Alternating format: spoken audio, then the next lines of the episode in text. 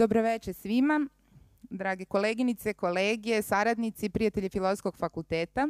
Veliko mi je zadovoljstvo da vas pozdravim po 27. put u Amfiteatru Filozofskog fakulteta u okviru ciklusa tribina Nije filozofski ćutati.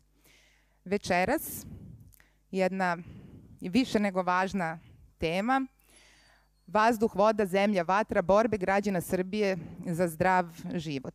Moderatorka večerašnje tribine je profesorka Jelena Mrgić sa Odeljenja za istoriju Filozofskog fakulteta Univerziteta u Beogradu. Sa nama je Iva Marković, istraživačica političke ekologije, aktivistkinja prava na vodu i Save the Blue Heart of Europe. Iva, hvala što si došla. Aleksandar Jovanović Ćuta iz inicijative Odbranimo reke Stare planine, koji se na Staroj planini bori za sve nas. Oliver Ilić po drugi put, hvala Oliver što si opet sa nama, aktivista isto jako važne inicijative Savski nasip.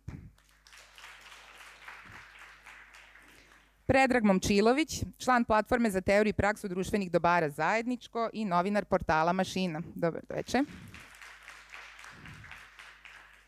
I gost iz Pančeva, gospodin Nenad Živković, novinar i građanski aktivista. Tribina nije filozofski ćutati je i deo programa kojim obeležavamo Svetski dan filozofije, koji je UNESCO ustanovio 2002. a 2005. se dogovorio da ga obeležavamo svakog trećeg četvrtka u novembru. Dakle, ovde danas večeras podsjećamo, to jest UNESCO nas podsjeća na važnost filozofskog, humanističkog promišljanja, kritičkog razmišljanja o svetu koji nas okružuje. Ono na što nas UNESCO isto podsjeća je da je važno da mi svi zajedno, koji smo u ovim pomenutim disciplinama, stalno, kontinuirano iznalazimo odgovore na lokalne i globalne probleme sa kojima se današnje čovečanstvo suočava. Takođe, Nije slučajno što smo obrazovne institucije, jer nas UNESCO opet svakog trećeg četvrtka ovaj, u novembru podsjeća na važnost opstanka filozofije društvenih nauka i humanistike na svim nivoima obrazovanja, a ja bih dodala i neformalnog obrazovanja, jer nas danas ne samo profesori, istraživači, već upravo i aktivisti i angažovani građani uče, podsjećaju na važne stvari u, u svetu koji nas, koji nas okružuje. Naredne, narednog četvrtka, dakle 28. tribina, inicijative Nije filozofski ćutati, dodaje, udodeljuje nacionalnu frekvenciju emisiji Utisak nedelje. S nama će biti Olja Bojčković sa zanimljivim gostima, tako da vas svakako pozivamo da se vidimo ovde i sledećeg četvrtka. Pre nego što prepustim reč, moje drage koleginici Jeleni i gostima, zamolila bih profesorku Stojanović samo da nas podsjeti na isto jednu strašno važnu vest danas koja je stigla sa univerziteta? E, da.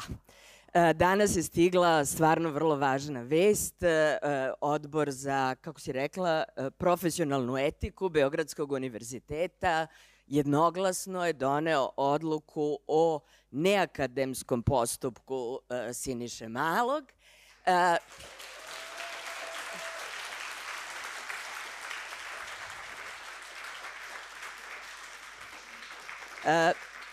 To sada zvuči možda kao neka čudna formulacija, ali u stvari je to sve po PS-u, jer to sad ide na Senat Beogradskog univerziteta koji treba da postupi po ovoj odluci i da zapravo Senat taj rad proglasi plagijatom, više nemamo nikakve sumnje da će se to desiti. I ovim putem želimo da se zahvalimo i rektorki Ivanki Popović i svim profesorima koji su u tome učestvovali, profesorki Vesni Rakeć Vodinalić, profesoru Dušanu Teodoroviću, 300 profesora Beogradskog univerziteta, istraživačima koji su potpisali poslednju peticiju. Bilo je tu mnogo rada, mnogo angažmana, da se zahvalimo studentima koji su blokirali rektorat i još jednom zaoštrili to pitanje.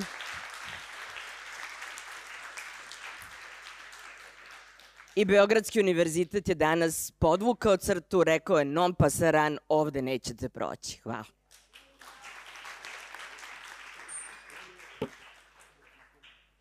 Ovi, dobro večer, dobrodošli i evo počeli smo lepim vestima. Ja se nadam e, da uprko svima i svemu ovi, da ćemo imati još lepih vesti.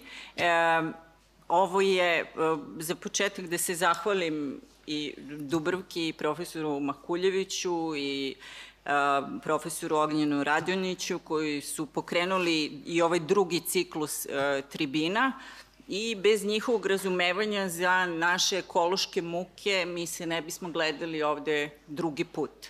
Dakle, neophodno je da se suočimo i sa ovom vrstom stvarnosti, gde živimo, kako živimo, kako dišemo, šta pijemo, šta jedemo.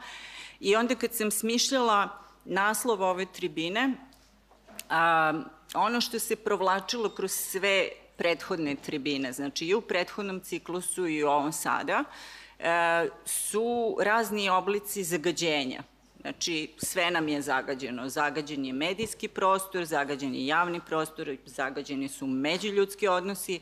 Prošla tribina je pokazala e, da smo obljutaveli kao ljudi i da su lučani se ipak desili, ono, onakvi kakvi su i to je nešto strašno porazno. Danas je etički odbor dokazao da možemo biti ljudi i možemo biti ponosni na instituciju koju radimo i kojoj pripadamo.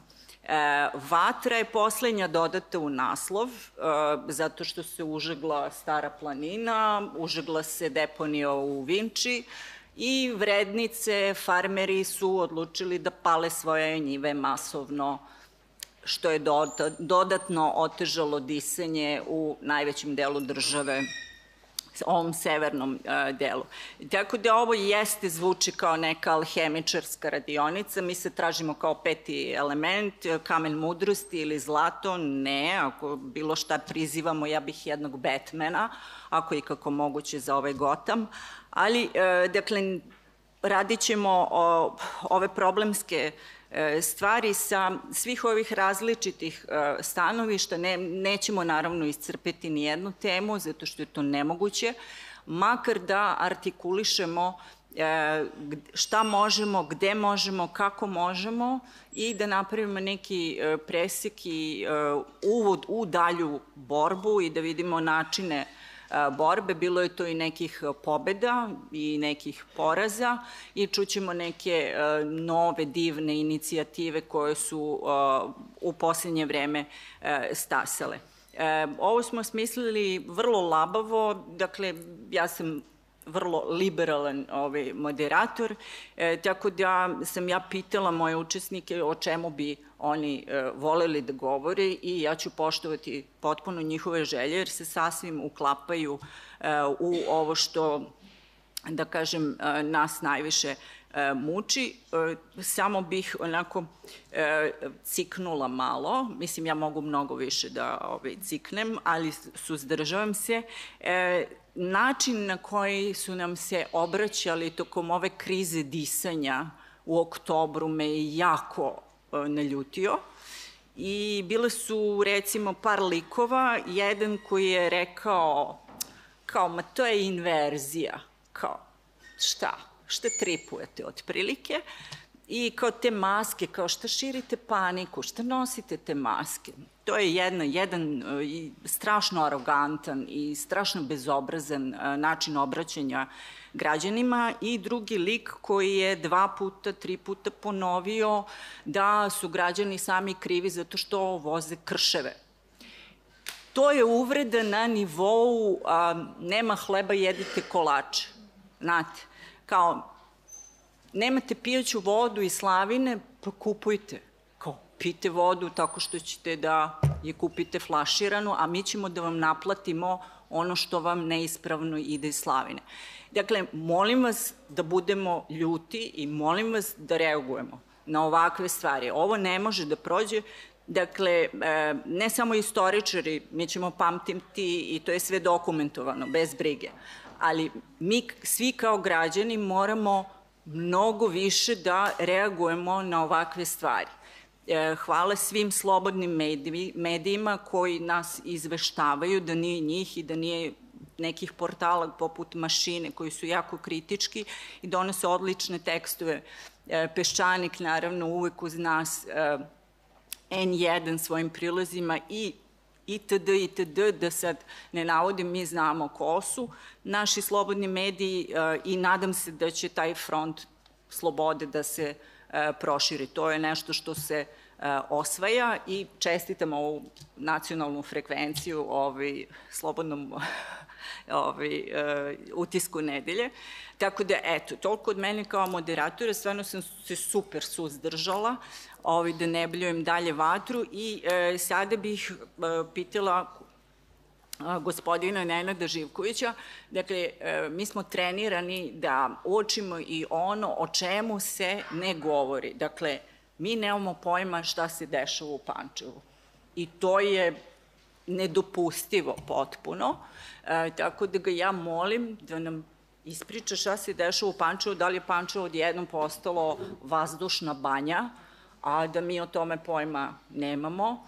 I a, kada je posljednji put oglašena ona neka sirena? Meni su rekli da je ta sirena nekad ovaj, se oglašavala da. i kad se to posljednji put desilo? Dobro večer svima.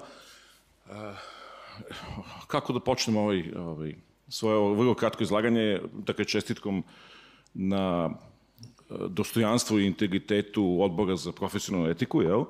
Ako je danas Svetski dan filozofije, jel? treba da im čestitamo na jednoj stvarno etičnoj ovaj, odluci, a ovaj, kao što i možemo da razgovaramo o tome da li je postupak uh, budućeg bivšeg doktora Malog bio moralan, jel? Ali, pošto je danas Svetski dan filozofije, ja bi ovo svoje kratko uvodno izlaganje, gledajući budem stvarno što kraći, posvetio upravo odnosu ekologije i etike. I to kroz nekoliko primera, jer etika je, mislim, to znate naravno daleko bolje od mene, par excellence filozofska disciplina, jel? E, mogu bi da vam dugo pričam o tome šta se dešavalo u Pančevu i šta se trenutno dešava, ali vrlo kratko, hemijska istorija Pančeva počela negde sredinom 50. godina kada je doneta odluka da se na 4,5 km centra Pančeva podigne e, fabrika za, preradu, za izgradu, za, za proizvodnju hem, e, veštačkog džubriva. E, bilo je naravno još ono vreme razmirica oko toga da li će to da radi pokrenjska partija ili srbijanska, da tako kažem. Na kraju nađemo to kompromisno rešenje, dovoljno blizu Srbije, a dovoljno daleko na periferiji Vojvodine legenda kaže, i u to vreme su pravljeni ekološki elaborati, legenda kaže da je i u to vreme napisano da ovako postrojenje ne može da bude podignuto na, na, na 15 km od bilo kojeg naselja, ali onda je navodno, kažem, to je gradska legenda, da se pojavi jedan zarez između jedinice i petice, pa je ispalo da može da se tako postrojenje izgradi na kilometar i po od bilo kakvog naselja. Ono s čime smo mi kao pančeci suočeni prethodnih, evo, znači 57 godina od kada je 27. novembra povodom ondašnjeg dana Republike puštena u pogon Azotara, jeste da smo mi zapravo suočeni sa jednim organizovanim zločinom koji je praćen zaverom čutanja. Ja bih to tako definisao ovo što mi živimo poslednjih, dakle, skoro 60 godina u Pančevu i ta čitava naša pančevačka ekološka priča je sporna iz bezbroj razloga, dakle iz bezbroj ekonomskih, ekoloških, političkih, tehnoloških, bezbednostnih, pravnih, E, bioloških e, i na kraju, ajde da kažemo, naravno, etičkih razloga. Na primjer, da li je moralno žrtvovati jedan čitav grad koji umeđu vremenu narasno 75.000 stanovnika, da bi se u njemu proizvodilo, proizvodila veštačka džubriva, plastika i kerozin, benzin, dizel i ostali naftni derivati. Pošto je u drugoj polovini 70-ih otvoreno pet fabrika petrohemijskih koje prave plastiku, a, a ovaj, 1968. je pušten prvi pogon rafinerija nafte. E, da li je moralno da svoje deci s istog tanjira dajemo supu koju smo zaradili u južne, fabrikama južne zone i otrov? Da li je moralno da imamo novca da im kupimo nove patike, ali da im u isto vreme, da tako kažem, kupujemo i parcelu na mesnom groblju? Da li je e, moralno da recimo tužilaštvo 60 godina skoro ćuti, nikad nije podigao nijednu istragu, sprovelo ovaj, o odgovornim licima za izazivanje opšte opasnosti i zagađivanje životne sredine. Šta što lekari ćute? Šta je sa njihovom Hipokratovom zakletvom, jel? Zašto u Panču ne postoji toksikološki centar? Zašto nikad niko nije napravio ozbiljnu analizu i ozbiljnu naučnu studiju o zdravstvenom stanju radnika zaposlenika u fabrikama južne industrijske, zone i uopšte o, zdravstvenom stanju stanovništva čitavog Pančeva. E, zašto inspekcije ne rade svoj posao? Zašto gradska vlast nikad nije, tako reći, ništa rekla o, ovaj, čak je, čak je u onoj prvoj polovini 80-ih možda bila najodlučnija da, bar formalno gledano, uzme u zaštitu građane Pančeva. Ove sirene koje spominješ su zapravo puštene u vreme kada je, u vreme jedne izborne kampanje, kada je čak i tadašnji predsjednik Boris Tadić došao u pratnji sad, svoga tadašnjeg savjetnika, a sadašnjeg glasnogovornika, sadašnjeg ovog tipa koji je zamislio da je vlasnik Srbije, ovaj, i nekadašnjeg statistu u čuvenom ovaj, beogradskom visu i doli, da ovaj, malo smiruje Pančevce u ono vreme, jel? Tako da je ta, te sirene su bile zapravo predizborni štos, ništa drugo od, od ovaj, ništa se realno nije desilo ni posle toga. Da li je moralno, na primer, da, ekonom, da, da se ono u skladu sa principima ovaj, dogovorne ekonomije desetinama godina zapravo gubici koje te fabrike proizvode pokrivaju iz budžeta pokrajine Republike Srbije ili Savezne države u ono vreme. Šta da kažemo, recimo, da li je moralno da tokom bombardovanja ne budu uopšte, nije, tokom bombardovanja uopšte nije bila obustavljena proizvodnja u fabrikama Južne industrijske zone, u Trouglu, Pančevo, Barić, e, Vinča živi 2 miliona ljudi i sada da NATO nije znao, kakva ironija, da NATO nije znao tačno šta gađa, da li bi da li je tadašnji zločinački, zlikovački režim Slobodana Miloševića i njegove supruge računao na to da bi 15.000 mrtvih pančevaca i uopšte ljudi u tom trouglu e, iz, iz, iz, e, na osnovu reagovanja zapadnog javnog mjenja zaustavio bombardovanje. Znači oni uopšte nisu ovaj, ispraznili tankove i oslobodili fabrike za slučaj da one budu bombardovane. Bombardovane su 12. aprila 99. sve tri zajedno, zato što su proglašene legitim, legitimnim vojnim ciljevima. Azotara proizvodi amonijom e, nitrat koji je u 29 deo 29% koncentracije eksplozivan. E, e, Petrohemija proizvodi hlor koji je opasan za i ono, bojni otrov a, ovaj, a rafinerija već na rafinerijske proizvode ovaj, lete avioni i kreću se tenkovi. Jel? Znači, jedna takva, jedna takva masovna žrtva Pančevaca i dobrog dela Beograđana bi naravno ovaj, zaustavio bombardovanje. Da li je moralno da, recimo, kad bi, da li je moralno da mediji desetinama godina nazad čute zapravo onome što se stvarno u Pančevu dešava, uključujući to da recimo pre 15. godina izašao u Blicu naslov kaže prevrnulo se cisterna sa ovim uh, hlorom u, u Pančevu, kao srećom prevrnulo se cisterna sa hlorom u Pančevu. Kao bio bi problem da se prevrnulo u Beogradu, jel? Jer, bože moj, vi ste kao stanovnici glavnog grada ovaj, na izvestan način privilegovani, a mi tamo čobani, budale, pančevci, to je nama i onako uobičajeno da se trujemo, pa ajde, što sad jedna cisterna prevrnuta manje više, jel? A, srećom, i to je prošlo bez većih posledica u to vreme. Ali da li je moguće da ta arogancija tolika da kada se pojavi, e, kad se pojave pikovi, kada, kada je naglašeno zagađenje recimo na Karaburmi ili u Višnici, da onda čitava država skoči na noge za ono što, zašto smo mi pančevci praktično svakodnevno tim, tim uticajima izloženi. I sad najvažnije moralno pitanje je ovaj, ostalo, ali o tome bi, bi nešto više rekao u, ovaj, u drugom krugu. Ovo sam samo teo nekoliko ideja, prosto ili ono moralnih dilema, mada svima nam su jasni, manje više jasni ti odgovori, jel?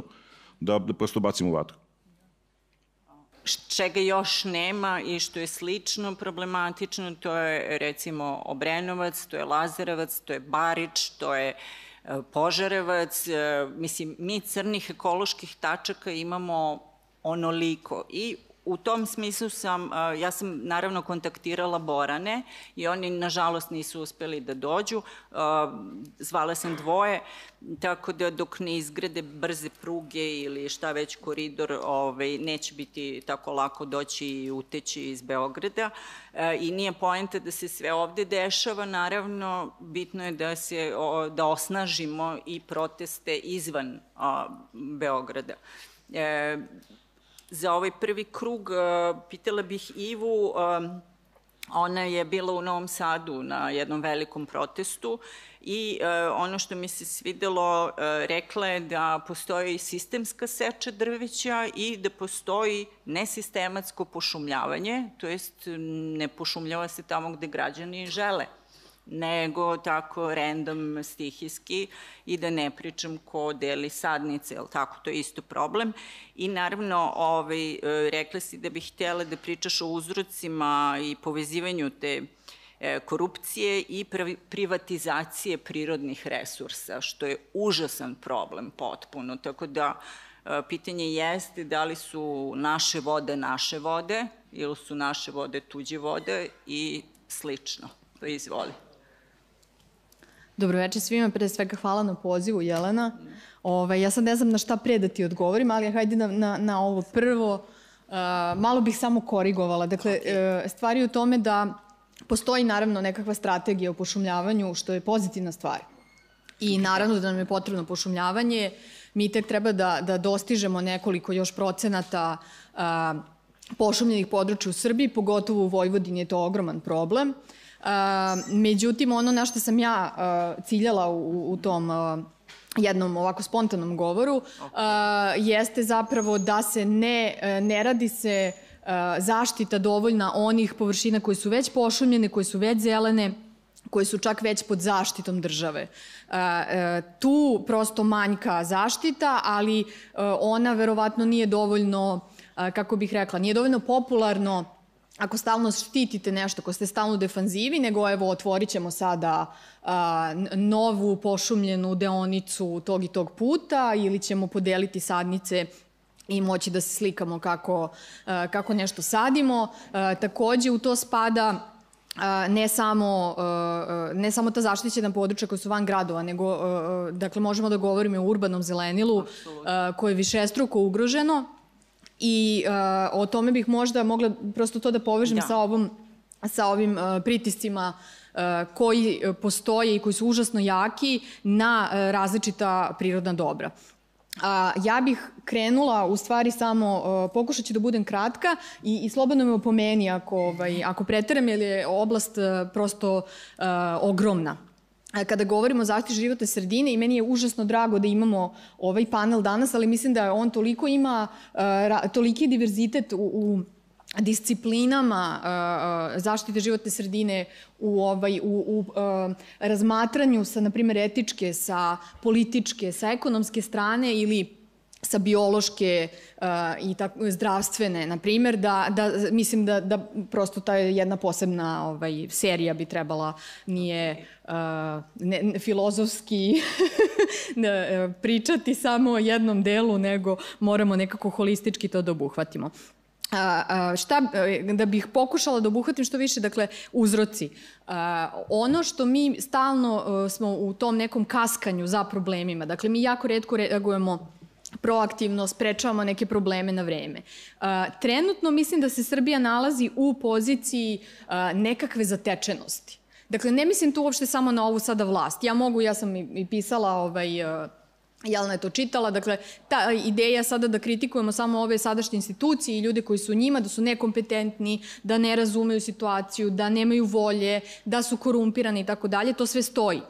Ali ono što jeste problem jeste sistemski problem da postoje dakle ogromni pritisci da se prirodna dobra koja su zapravo jedino što je još uvek nekako ostalo u celoj mogu slobodno da kažem ovom fakultetu pljačkaškoj privatizaciji 2000-ih. Dakle, ono što je ostalo, to su šume, to su vode, to su neki delovi koji još uvek nije uspelo, dakle nije uh, uspeo ni, ni uh, uh, prosto nisu uspeli ni da uđu dovoljno jasno u javni sektor kako bi javni sektor mogao još da ih raspačava i razdeli, a e, ostalo je dosta toga da se prosto privatizuje i uzurpira.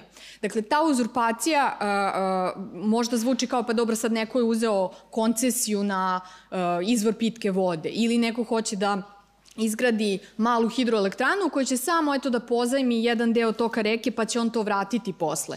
Toga ne, to ne postoji u prirodi. Dakle, ne možemo da se igramo toga da nešto pozemimo na neko određeno vreme, a onda da imamo dakle, neke kompenzacije u vidu, uh, ne znam, taksi i tako dalje, da to na taj način opravdavamo i da, da pomislimo da je, da je u tom slučaju onda sve u redu.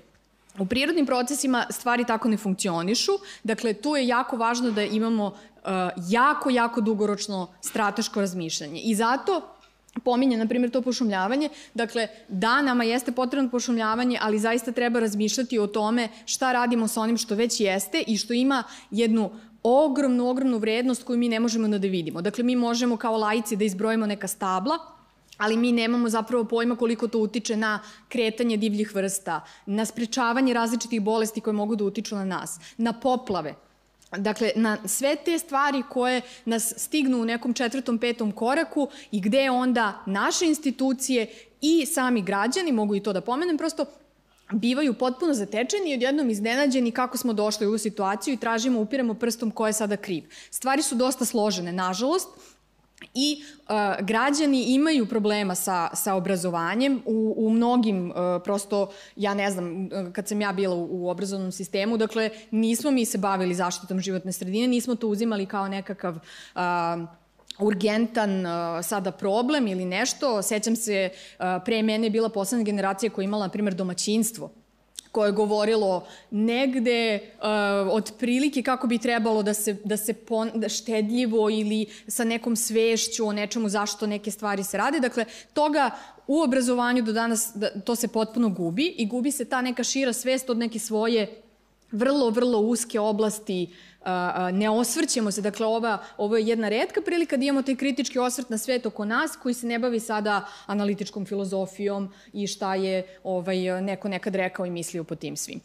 A, dakle, to šta nas okružuje uh, jesu, dakle jesu i to, moram ovaj, ovde da naglasim, jesu klimatske promene. Uh, uh, molim vas da prosto kao akademska zajednica uopšte ne dovodimo to u pitanje a, a, na primjer, ta je, to je jedna stvar koja i dalje ovde izaziva različite polemike. To je negde, a, da kažemo, razvijenijim nekim a, a, a, disku, prosto društvima koji su prošle te diskusije, to je prosto stvar koja postoji i koja jeste naučno dokazana i koja će biti sve gori i gora. Ono što mene strašno zabrinjava, ti si postavila pitanje, bila šta je ono što mislite da je najstrašnije, šta je, šta je nešto što je sad urgentno, to jeste naša nespremnost. Dakle, mene sad ne, uh, mislim, uh, da ne budemo ovako cinična, mene jako brine uh, Pančevo i, i Bor, Ali ono što mene više brine, što, što, što mi je na nekoj, kako bih rekla, veći prioritet, jeste da mi nemamo odgovore na te stvari i nemamo ni plan kako da izađemo iz svega toga. Dakle, da se ne bavimo time, da smo sve vreme u nekom, dakle, svaka neka ekološka akcija koja je bila poslednja je bila, sećate se za, za vreme ministra Dulića koja je bila uh, jedna akcija poznata, glav, kako kažu mainstream, glavnog toka, gde su svi čuli za očistimo Srbiju. Dakle, to je bila jedna akcija koja je takođe bila jedno, da kažemo onako, uh, Potemkinovo selo uh, zaštite životne sredine. I mi stalno imamo te kozmetičke neke ideje, niko se ne bavi time zaista kako preći, uh, kako, kako izaći iz zavisnosti od uh, fosilnih goriva. Dakle, kako smanjiti i emisije globalno, ali kako smanjiti emisije uh, uh, različitih industrija uh, na na lokalu. U drugom delu ćemo možda više pričati šta, šta raditi po tom pitanju, ali eto, samo bih naglasila, dakle, meni ono što je najstrašnije i, i što mislim da često zanemarujemo, jer smo stalno u toj, u toj uh, defanzivi, stalno kaskamo za posledicama, jeste kako u stvari treba preduprediti te, te, te posledice, odnosno kako treba planirati privredu celu, dakle to nije pitanje, to ne treba da se bave ljudi koji se bave samo zaštitom životne sredine. Ministarstvo zaštite životne sredine postoji, ali možemo da vidimo da ono ima jako, jako slabe uh, mogućnosti i u sadašnjoj vlasti i uvek znamo da je zaštita životne sredine kada, na primjer, uzmete i čitate političke programe partija, to dođe neka pretposlednja tema, ako ne i poslednja.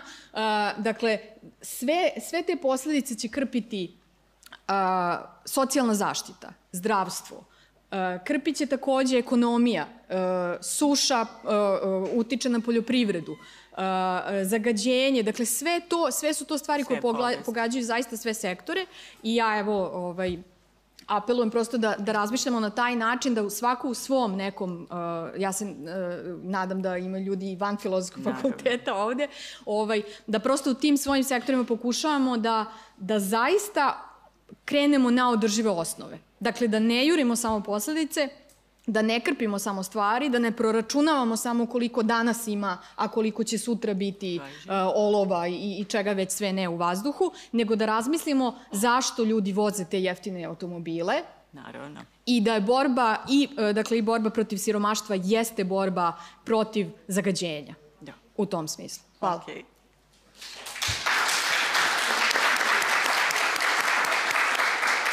Hvala Iva. Ove, ovaj, ja volim borbeno i vatreno i e, Predrag će isto nastaviti ove, ovaj, i o tim e, jel te, klimatskim e, procesima. Pre toga samo da kažem da je Nemačka svoj plan prelaska na održivu jel te, privredu planirala pre jedno 20 godina, cilj im je 2030. pa su malo korigovali. Danska je takođe pre 50 godina planirala sve ovo sada što izvodi, Ove, tako da, zaista, e, ovde se nama sve ljulja na četiri godine, eventualno na osam godina, ovaj brod se ljulja i redefiniše se, a e, što se tiče ekologije i uopšte planete Zemlje, e, to nije ništa. Nijedan, ničiji mandat nije ništa u geološkom vremenu. Tako da su to neke perspektive koje treba imati e, u vidu. Ja bih pitala sad Predraga, on je doktorant geonauka i ovaj novi rudarski polet. Vi ne znate koliko će nama da krene u rudarstvu. Ja se ježim. Mislim, potpuno. Videla sam neki izveštaj sa, bila je neka konferencija rudarstva, majko moja, pa to je rudnik do rudnika, ne vidi se karta Srbije i ovaj, strašne stvari su u pitanju. U pitanju je litijum kod Loznice, u pitanju su još neki novi metali, ne znam gde su onom pregledu ovih eh, elemenata ali uh, i onda uh, kao govore, ali bit će održivo rudarstvo jer su to svetske kompanije pa će oni po svetskim standardima, sigurno. Ako ih neko natera, da.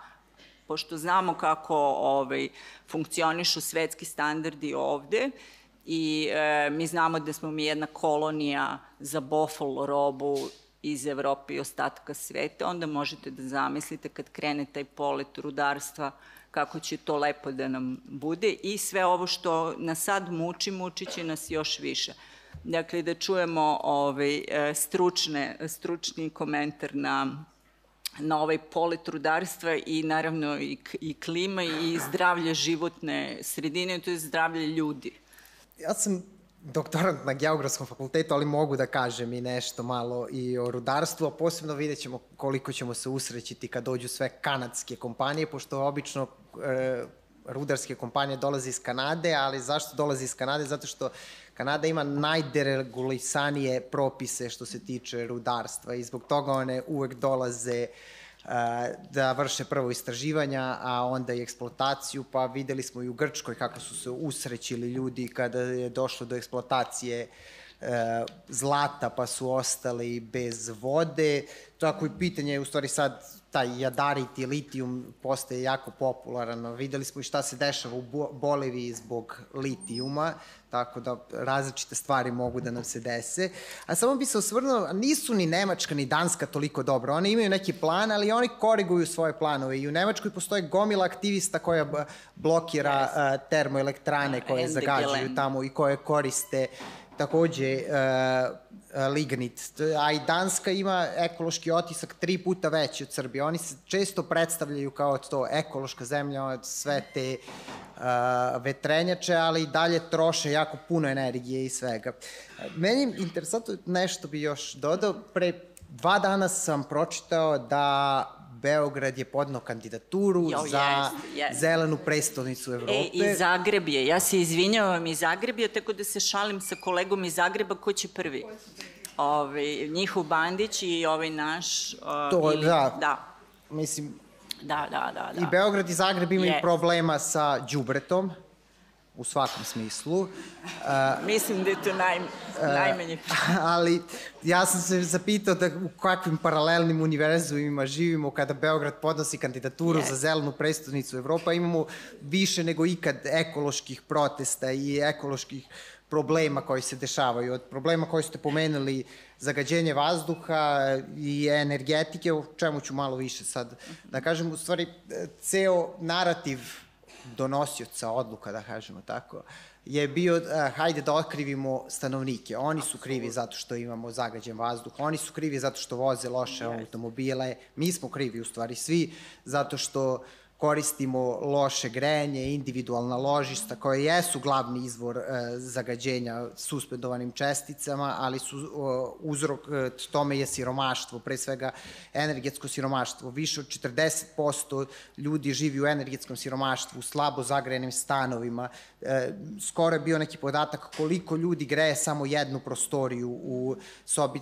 To je samo odlika siromaštva i oni upadaju u spiralu energetskog siromaštva, gde nikako ne možete da se izvučete iz toga. E, mi imamo civilizacijski regres da se ljudi isključuju sa centralnog grejanja i prelaze ponovo na neko sirovo drvo, na ugalj. Ja sam siguran da, da su uh, svi ljudi svesni uh, šta sagorevaju i šta koriste, ali nemaju drugu, drugu mogućnost i onda imamo taj problem uh, zagađenja vazduha. Problem zagađenja vazduha je prilično kompleksan. Pre svega, nama nedostaju i podaci koliko je zagađen vazduh. Pre, za, prošlu, za preprošlu godinu imali smo samo 22% podataka sa automatskih mernih stanica.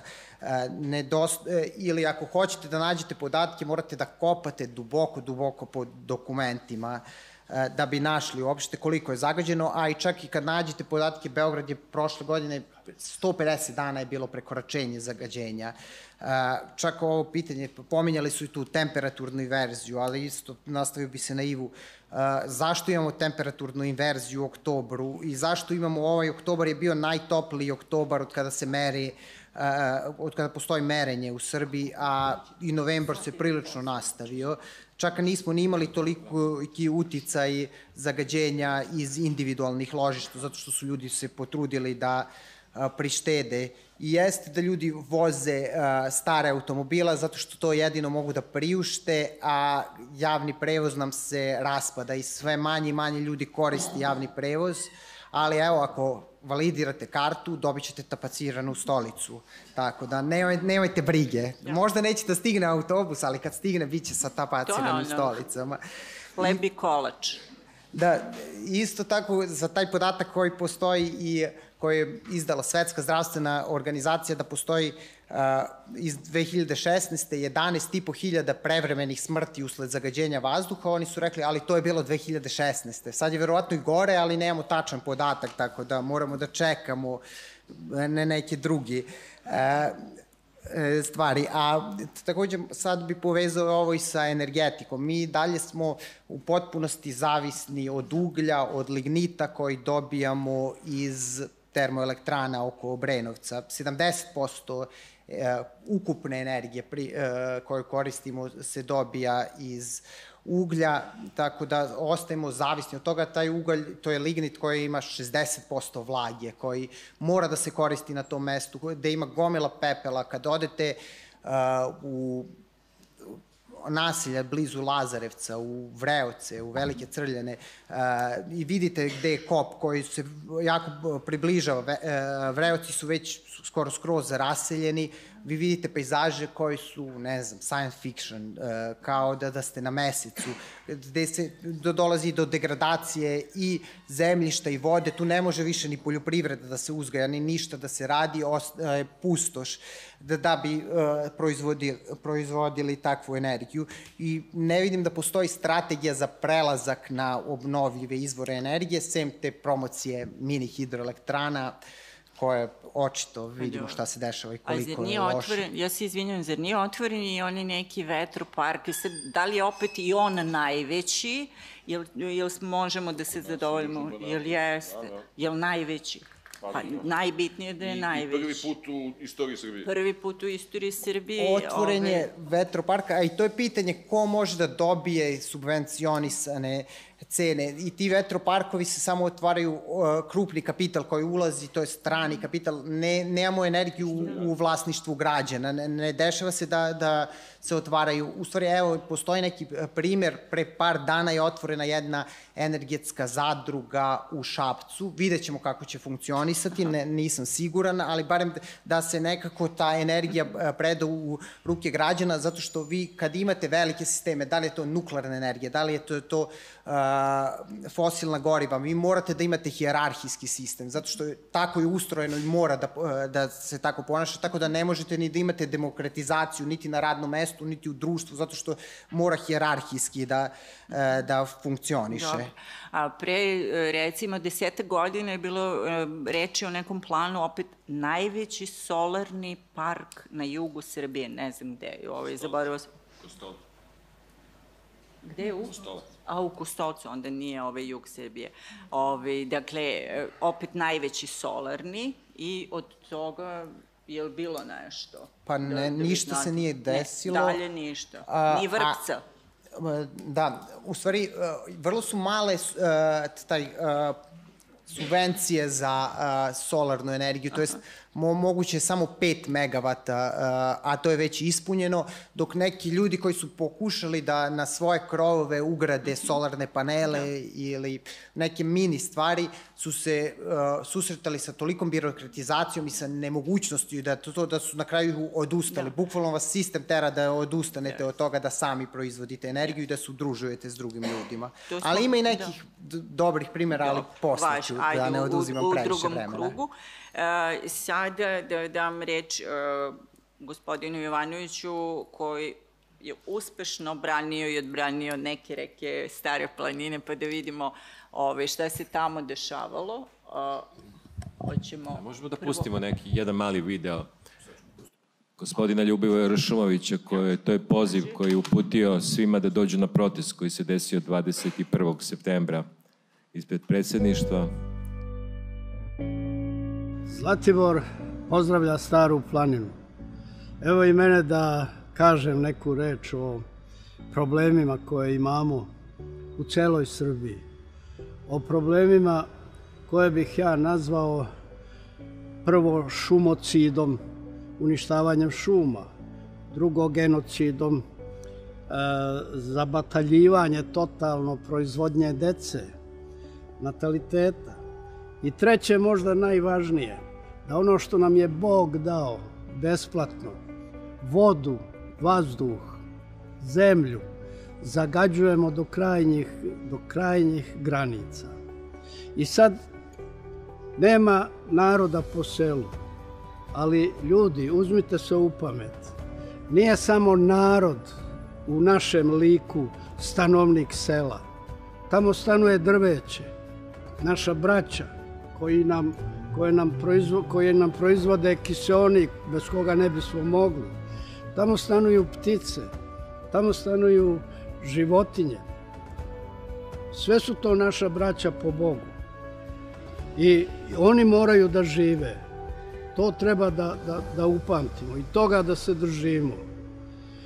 Svaka reka je živo biće, a samo je Novi Zeland, koliko ja znam, do sada njihova vlada donela odluku da Maursku reku Vanganoi, tako se zove, proglasi živim bićem i da odredi dvojicu ljudi, dvojicu pravnika na nivou ministara, da vode računa da to živo biće dostojanstveno živi. Maori su se izborili za svoju reku i oni svoju reku smatraju jednim od njih, Dakle, to živo biće je e, njihov komšija. Zavise jedni od drugih.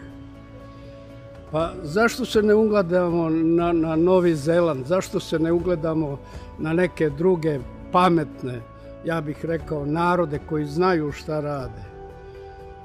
Zašto uvek mi moramo da budemo ona strana, ona strana koja gubi? Hajde da se vidimo 21. septembra u Pionirskom parku, da kažemo kolektivno neku reč u odbranu reka Srbije. Hajde bar malo da budemo novozelanđani, da budemo maori, da izdržimo u toj borbi.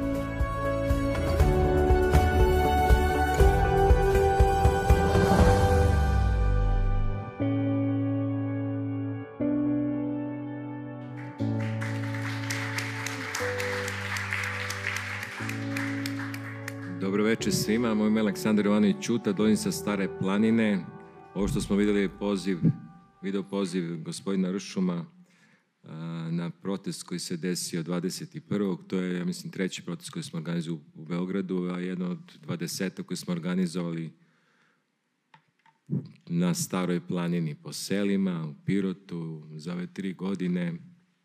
Prošli smo to što se zove bukvalno rat za vodu od, od 2016. godine kad se pojavio Antić, Aleksandar, sadašnji ministar energetike i rudarstva, došao kod sadašnjeg takođe predsjednika opštine gospodina Vladana Vasića i rekao da se mora nastaviti sa izgradnjom toplodolskog tunela zato što je to od vitalnog interesa za našu energetsku stabilnost, da narod izvodno u Temskoj ne treba da brine da će ostati bez vode i tada je rekao da narodu treba vratiti veru u tunel. Ono čime se oni bave već zadnjih 30 godina, a ja to mogu da tvrdim zato što imam dovoljno godina i moje poreklo vodi sela Temska koje 90. 90. godine kad je nestala najmoćnija reka na staroj planini Visočice izgradnjom Zavo i ostala samo ta Toplodolska jedna jedina, imala dve i po hiljade stanovnika, danas ima 600. To je drugo selo po veličini na staroj planini od 70 koliko broji Pirotski okrug. Imate dva, tri sela po 100 stanovnika, imate Temsku sa 600, imate u ravnici dole Krupac sa takođe 600-700 stanovnika, ovde ostalo, ne, ovde po drugim selima nema ko da sahrani ljude. Dakle, to što je tad izgovorio Aleksandar Antić, da vratimo narodu veru u tunel, time se oni bave zadnjih 30 godina.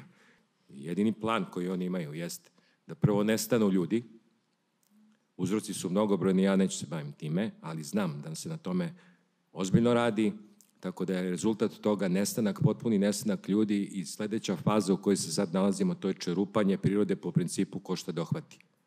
Malo pre Iva reče Ministarstvo zaštite životne sredine, Goran Trivan, ne znam, nešto je pomenula, neke njegove aktivnosti, to ne postoji. Da postoji Ministarstvo zaštite životne sredine, U Rakiti bi odavno bile izvađene cevi, uklonjene cevi iz korita velikih voda i postupljeno po rešenjima tog istog ministarstva. Ministarstvo za građevinarstvo, saobraćaj infrastrukturu, Zorana Mihajlović, to takođe ne postoji. Da to postoji, pošto bi se zakon o zaštiti životne sredine i Jošanica, 17 malih hidrocentrala u Jošanici i Samokopke, koje su jedne od desetina reka koje su sravnjene sa zemljom koje više ne postoje ne bi nikad bile izgrađene. Zato što je Zavod za zaštitu prirode jasno i glasno rekao i napisao u svojim izveštajima, u, nalazima, u onome što je zove procena uticaja, u elaboratima, da tamo ne može da se gradi. Međutim, to nije sprečilo onu koja je tad bila ministarka za ekologiju i energetiku, dva spojena u jedno, gle čuda, gospođu Zorana Mihajlović, koja se isto bavi i posle 15 godina, ili 10, ne znam koliko je prošlo, istim poslom, a taj posao se zove sahrada srpskih reka. Ajte, gospođo Zorana Mihajlović, prošetajte zajedno sa Goranom Trivanom, sa Aleksandrom Antićem, pored... Da sam glasan?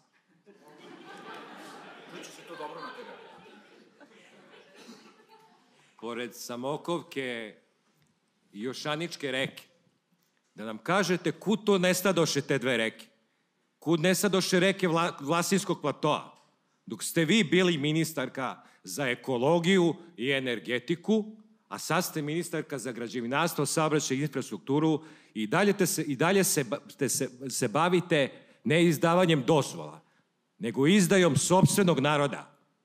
Onaj ko gura reke u cevi, onaj ko, ko to radi, on je gori od svakog, Od svakog neprijatelja koji se pojavljivo tu po tim prostorima, od Nemaca, Turaka, Bugara, koji sve zlotvori tu nisu bili. Pa su reke nastavljale da teku.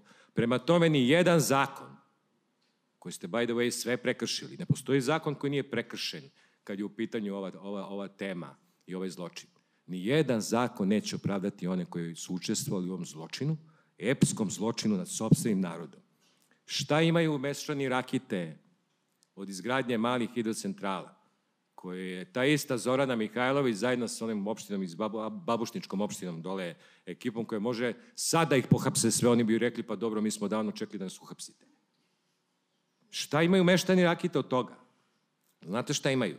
Prvo su došli i sravnili im reku sa zemljom u sred sela, pa su im srušili put koji ih vodi do njihovih njiva. Pa kad su se pobunili, onda je narodna milicija spontano krenula noću, bez ikakvog naloga, ljudima da vrši racije, upada u kuće, otima lovačko oružje. Pa smo imali par smrtnih slučajeva. Pa se onda desila nekakva podmetnuta bomba. Pa su onda pojavili momci u u nekakvim security opremi, uniformi, protekta, nekakav Trivan, ja ne znam ko je taj čovek. I taj se preziva Trivan, on je direktor te, vlasnik te agencije. Dođu frajeri po dva metra sa bezbol palicama i noću patroliraju selom i niko ne sme da pisne. Zašto? Zato što ga sledeći dan kamenuju kad krene negde na posao ili uz put. Za sve to vreme reka se sravnjava, sravnjava sa zemljom, onda dolazi do fizičkih sukoba, onda dolazi do paljevine, onda se štaci prebijaju ovaj, na štakama, bezbol palicama, e onda se stanovništvo od po 10, 90 godina odvodi na poligrafe laži u babušnicu, sve to vreme pljušte, sudski pozivi, informativni razgovori, koncentracioni logor u 21. veku za čije babe zdravlje? Da bi Beli zaradio za, 10, za, za 12 godina 12 miliona evra, tako što je ljudima sravnio reku sa zemljom i ostao ih bez vode. I onda kad pitate kad pitate Vučića, koji se sad u posljednje vreme zainteresovao za nas, s obzirom na to da, je, da, da gore smo imali neretvu u toplom dolu i samo je pukom srećom neko nije nastradao, a volio bi da, se, volio bi da vidim šta bi posle toga bilo da je nekom ovaj, od tih kamenica koje su poletele na sve strane neko, neko ostao bez glave. Znači, onda kad pitate Vučića, ali vi znate, gospodine Vučiću, da jedini političar koji je bio za ove dve godine u Rakiti. Znate ko je to? Bugarski konzul. Znači, mi smo zvali bugarski konzulat s obzirom da je to bio neki u jednom trenutku potez nekakav očajnika. U stvari ne očajnik, ajde da zovemo bugarskog konzula, to je bugarska manjina. I pojavi se lik SNS bugarski konzul. Odmah vidiš. Prvi dan je došao, aha, aha, onda je došao sledeći dan sa investitorom. I u zamenu ovaj, na, pred, predložio meštanima da u zamenu za saglasnost da se to nastavi dobiju kontejnere za đubre. Prvi put u istoriji Rakita je mogla da ima kontejnere za đubre. I normalno da su ga oterali. I sad ja to vama pričam malo zbrda, s dola, znači mi smo prošli od 2016. od kad se pojavio Antić da nam trpa, da nam gura to plodolsku jedinu našu preostalu reku u tunel, a to je probao, samo da, da to kažem, znači to je probao prvi put slova 91. godine, nije im bila dovoljna visočica, nego su se nameračili da i to plodlovsko gurnu u cev i da nas nizvodno nas u Temskoj ostave potpuno bez vode. E, onda smo se digli na barikade, s obzirom da je tad počeo rat, raspad zemlje, ta tema nije bila tako aktualna, to je državni projekat, tad nije bilo ovih, ovih ludaka, ovih privatnih investitora, povlaštenih bogataša, nego to bio državni projekat, pa smo se nekako izborili sa slobom. I to trajalo godinama. To je bilo elemenata isto za dobar thriller. Pa se onda 2007. godine nekako ovaj, lokalna samouprava odlučila da prekine s tim projektom, nastavkom od 8 km iskopali su dva, e onda se javio povampireni Antić da se seti da jedu malu bujičnu reku, to je pijaća voda, to svi izire gore sa Midžora. To su sve re, re, rečice, potoci, kad ih vidite u letnjem periodu, oni grade hidrocentrale u projektima nabuđili ne znam koliko kilovata, mislio bi čovjek grade džerdape. On evo napoji dve grejalice. Oni kradu nas, oni znaju to. Znači, ne postoji ni jedan papir koji god nasumica ovako izvučete iz, iz projektno-tehničke dokumentacije, a da nije za zatvor. I oni to vrlo dobro znaju. Međutim, njih tera nekakav nagon, to kad, kad mu padne na pamet da gura reke u cev, to neće da stane. Dođe jednom, iznajmi neka, kupi neku kuću za radnike, pošto poto hoće formira gradilište gore u toplom dolu, onda mu izgori kuća. Zapalimo. Da, da, zapalimo mu kuću. E onda on dođe ponovo, pa onda se desi to što se desi i desi, dešavat će se svuda na staroj planini, to smo rekli Vučiću. Gde god ljudi dolaze da otimaju vodu. To smo rekli Svetskoj banci ovde u Metropolu, Na osnovu toga je Evropska, Evropska, Evropski parlament donao rezoluciju o staroj planini, Evropska komisija dala svoje mišljenje, Srpska akademija nauka na svom simpozijumu rekla jasno i glasno šta misli o tim projektima, Akadem, Akademija inženjerska takođe, ne znam koliko dekana ovih prirodnjačkih fakulteta, mi smo sproveli za tri godine nešto što ovde se redko dešava, to je javna rasprava. Znači, bukvalno od čobanina do akademika ljudi su se izjasnili, međutim šta je problem? Evo šta je problem, da je Srpska akademija nauka, kojim slučajem zamislimo taj simpozijum desi u Rakiti. Došlo pet akademika, došlo pet viđenih profesora, poznatih ličnosti u Rakitu. Taj, taj Belić, ta, to čudovište rakitsko koji dalje ne predne odustaje, koje će da sahrani Rakitsku reku. Znači, nikad ne bi završio tu hidrocentralu. Ali je potrebno da se nekako ljudi, akademci, kojih ima, ne kažem, koji, koji su se izjasnili, samo pojave na nekoliko kriznih mesta se pojave da se izmestimo iz Beograda, evo mi ćemo da organizujemo i stalno smo dole na terenu. Organizovat ćemo koliko treba autobusa. Ajmo ljudi u neko, ima desetine mesta gde se sad grade hidrocentrale. Ajmo na Panjicu. Ajmo u Rakitu. U Rakiti ako prelomimo to, ako se ispoštuje, to je ako sprovede država a, ono što je donato, to su rešenja Ministarstva ekologije, ako se te cevi budu vadile, a dva, put, dva rešenja su doneta, znači to mora da se vadi. Mi ćemo to da vadimo. Ajmo svi da izvadimo to to đubre odande i da pokažemo jednu, jednom da smo sposobni da mi uradimo nešto ne samo kao, kao građani koji, koji poštuju zakon, nego kao građani koji su dužni da sprovode zakon, zato što je neprijatelj onaj kod izdaje te dozvole, to, to, to su ministarstva, to je država koja je direktno stala iza, iza tog Belića i oni misle da će oni to tako da prođe. Neće da prođe. Znači, mi ćemo to da vadimo makar po ne znam koju cenu. I to smo rekli Vučiću, evo ja završavam, pošto je slabijeg zdravlja ovih dana, želim da, mu, da se što pre oporavi i da ispuni ono što je obećao, a to je da će doći u Rakitu, to trebalo se desiti do kraja novembra. A, poslednja informacija koju smo dobili iz kabineta da je lošeg zdravlja, ok, neka ozdravi, pa nek dođe u Rakitu, ako ne bude to teo da vadi, vadit ćemo mi. I druga stvar, kad će taj zakon o izmeni to jest izmena zakona o zaštiti prirode konačno da uđe u Skupštinu, da se mi više ne zamajavamo. Ako ćete to da menjate, ako nećete, mi ćemo proglasiti, to sam rekao u Pirotu prošle godine, ali mi se ozbiljno nosimo to mišlju, mi ćemo proglasiti ekološku autonomiju za Staru planinu. Mi to inače već radimo, sprovodimo zakon koji država ne sprovodi.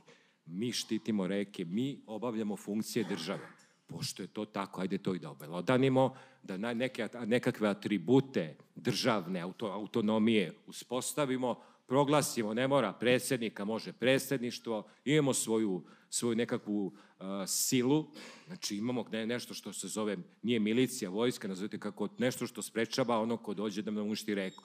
Mi imamo svoje, svoje, svoje, svoje pravnike, to je sve u funkciji spasavanja onoga što nam je jedino preostalo, a to je ta voda i ono malo ljudi što nam je ostalo, možemo nešto kasnije da pričamo o tome šta smo mi pokrenuli, kakve akcije da se, da se taj život učini mogućim tamo. Ako Slovenci mogu da zarade 300 miliona evra samo od ribolovnog turizma, a šta mi ne možemo? To je isto rekao predsjednik da ne veruje u tu priču povratka na sela, pitao sam ga zašto. Jednostavno ne veruje. Pa vidite, mi, mi verujemo i sigurni smo, evo koliko ovde ljudi ima koji su bili na Staroj planini u poslednjih godinu dana, ljudi stalno dolaze na Staru planinu, postoji, postoji ogromni potencijal, vrlo je jednostavno. Znači sve što je, što je javno, a to su recimo karaule, napuštene škole i tako dalje, pretvoriti u prostore za boravak planinara, avanturista, hiljad na hiljade ljudi prođe negde da spavaju. Je to problem? Pa čim neko spava, neko će da ga nahrani, te postoji još uvek ljudi, mi ne znamo koliko nam ljudi živi na staroj plani, mi treba prvo da uradimo popis gore, da znamo čime mi raspolažemo.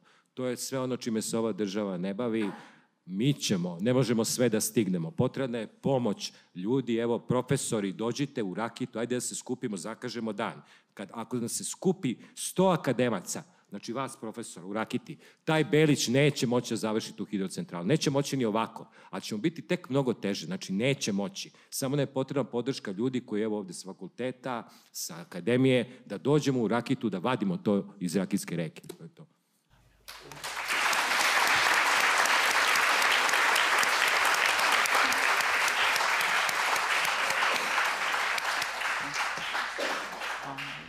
Hvala. Ovo je bilo e, najkraće o trogodišnjoj borbi svakodnevnoj koju stanovnici jednog sela vode onako kako moraju i, e, jer država nije tu da ih zaštiti, a postoje sva zakonska rešenja koje njima daju za, e, za pravo. Što se tiče potencijala Stare planine, selo Gostuša je ovaj, proglašeno za kulturno dobro kao jedinstveno kameno selo. To je zaista jedno blago ovaj, koje je prepoznato između ostalog. I naš prethodni gost uh, u martu je bio divni uh, dekan Šumarskog fakulteta Ratko Ristić, ja sam ga pozvala da, da dođe ovaj, da nam se pridruži danas, pretpostavljam da i zbog o, slave kao i veći deo naše, naše publike ovaj, nije, nije stigao, ali on je zaista putovao i davao podršku svim lokalnim inicijativama, znači gde god je trebalo da se da negativno mišljenje o ovaj, ekološkim posledicama, naravno e, to je klanje vola za kilo mesa, da se tako kaže, ali još je gore, ovaj, zato što je nepovratno uništen ceo, celo to područje. E, sada ćemo čuti e, Savski nasip, e, oni su nam bili gosti u martu, sada su na bis, zato što umeđu vremenu nigde nisu uspeli da održe nikakav nikakvu tribinu, nikakav nastup, ništa, sve im je zatvoreno bilo. I imali su umeđu vremenu neke akcije i želim da, da čujem da li je bilo pozitivnog efekta ovaj, u odnosu na na mart. Jako je bitna priča zato što ovaj, e, Savski nasip naravno štiti ceo Novi Beograd koji se intenzivno ovaj, jel te, gradi. Ne postoji poljanče nijedno na Novom Beogradu da nema investitora. Dobroveče svima. Prvo bih hteo da poželim sretnu slavu svima koji već danas slave. Ja sam Oliver Ilić ispred neformalne grupe građana Savski nasip zajedno sa ostalim iz ove grupe se borimo da sačuvamo Beogradsko vodu izvorište, odakle dobijemo vodu za piće i Savski nasip koji od poplava brani više od 100.000 ljudi. Nažalost, svedoci smo da se brojni zakoni ne poštuju, e, e, niti se nadležni odbijaju da primene zakone. Tako ponašanje preti da izazove katastrofu neviđenih razmera, da ostanemo bez vode i da budemo potopljeni, ono, bukvalno da završimo kao neki najgori, da se vratimo, ono, bukvalno civilizacijski nazad da se vratimo, da, da, da nas sačekaju bolesti, sve to bolesti koje ne znaju granice sutra. Ovo da bih vam bilo sad, opet ću se, da, niko nas nije zvao. Ova tema, o ovoj temi zbilja, mislim, ni novinari ne pišu, redko ko piše, nekad mislim, ovo nije problem koji je nastao sa ovom vlašću, ovaj problem je nastao sa onom prethodnom vlašću. Znači, te dve vlasti su otprilike zajedno pre toga i mi možemo možda i da zahvalimo to što mi danas pijemo vodu. Mislim, to nije zasluga ovih vlasti, to je zasluga nekih prethodni, prethodne generacije kada se vodilo računa o tome kako imamo vodu, kako se branimo od poplava i zahvaljujući nekim prethodnim generacijama kada se struka poštovala, zahvaljujući tim sistemima koji su tada kvalitetno napravljeni, mi danas imamo vodu i nismo potopljeni. Da je to ostalo novim prethodnim, mi bi odavno se podavili i ne bi imali vodu. Znači, to sigurno bi tako bilo. Oni nisu sposobni ni kaldrmu da postave a kamoli da održavaju infrastruktur, infrastrukturne sisteme od tako velike važnosti. To su kompleksni sistemi. E, žele, ovi svi blokovi ovde su direktno ugroženi e, ukoliko Savski nasip bude probijen. Taj Savski nasip se evo vuda svuda proteže. Nekada Savski nasip je predstavljao zbilja onu blago Beograda, tamo su posmatrane brojne ptice, preko 116 vrsta ptica. Ovo ovde šuma je zaštitna šuma. Mi želim, ta šuma štiti ovaj nasip od poplava. S ove strane je Novi Beograd. Mi želimo da, oni su posekli tu šumu.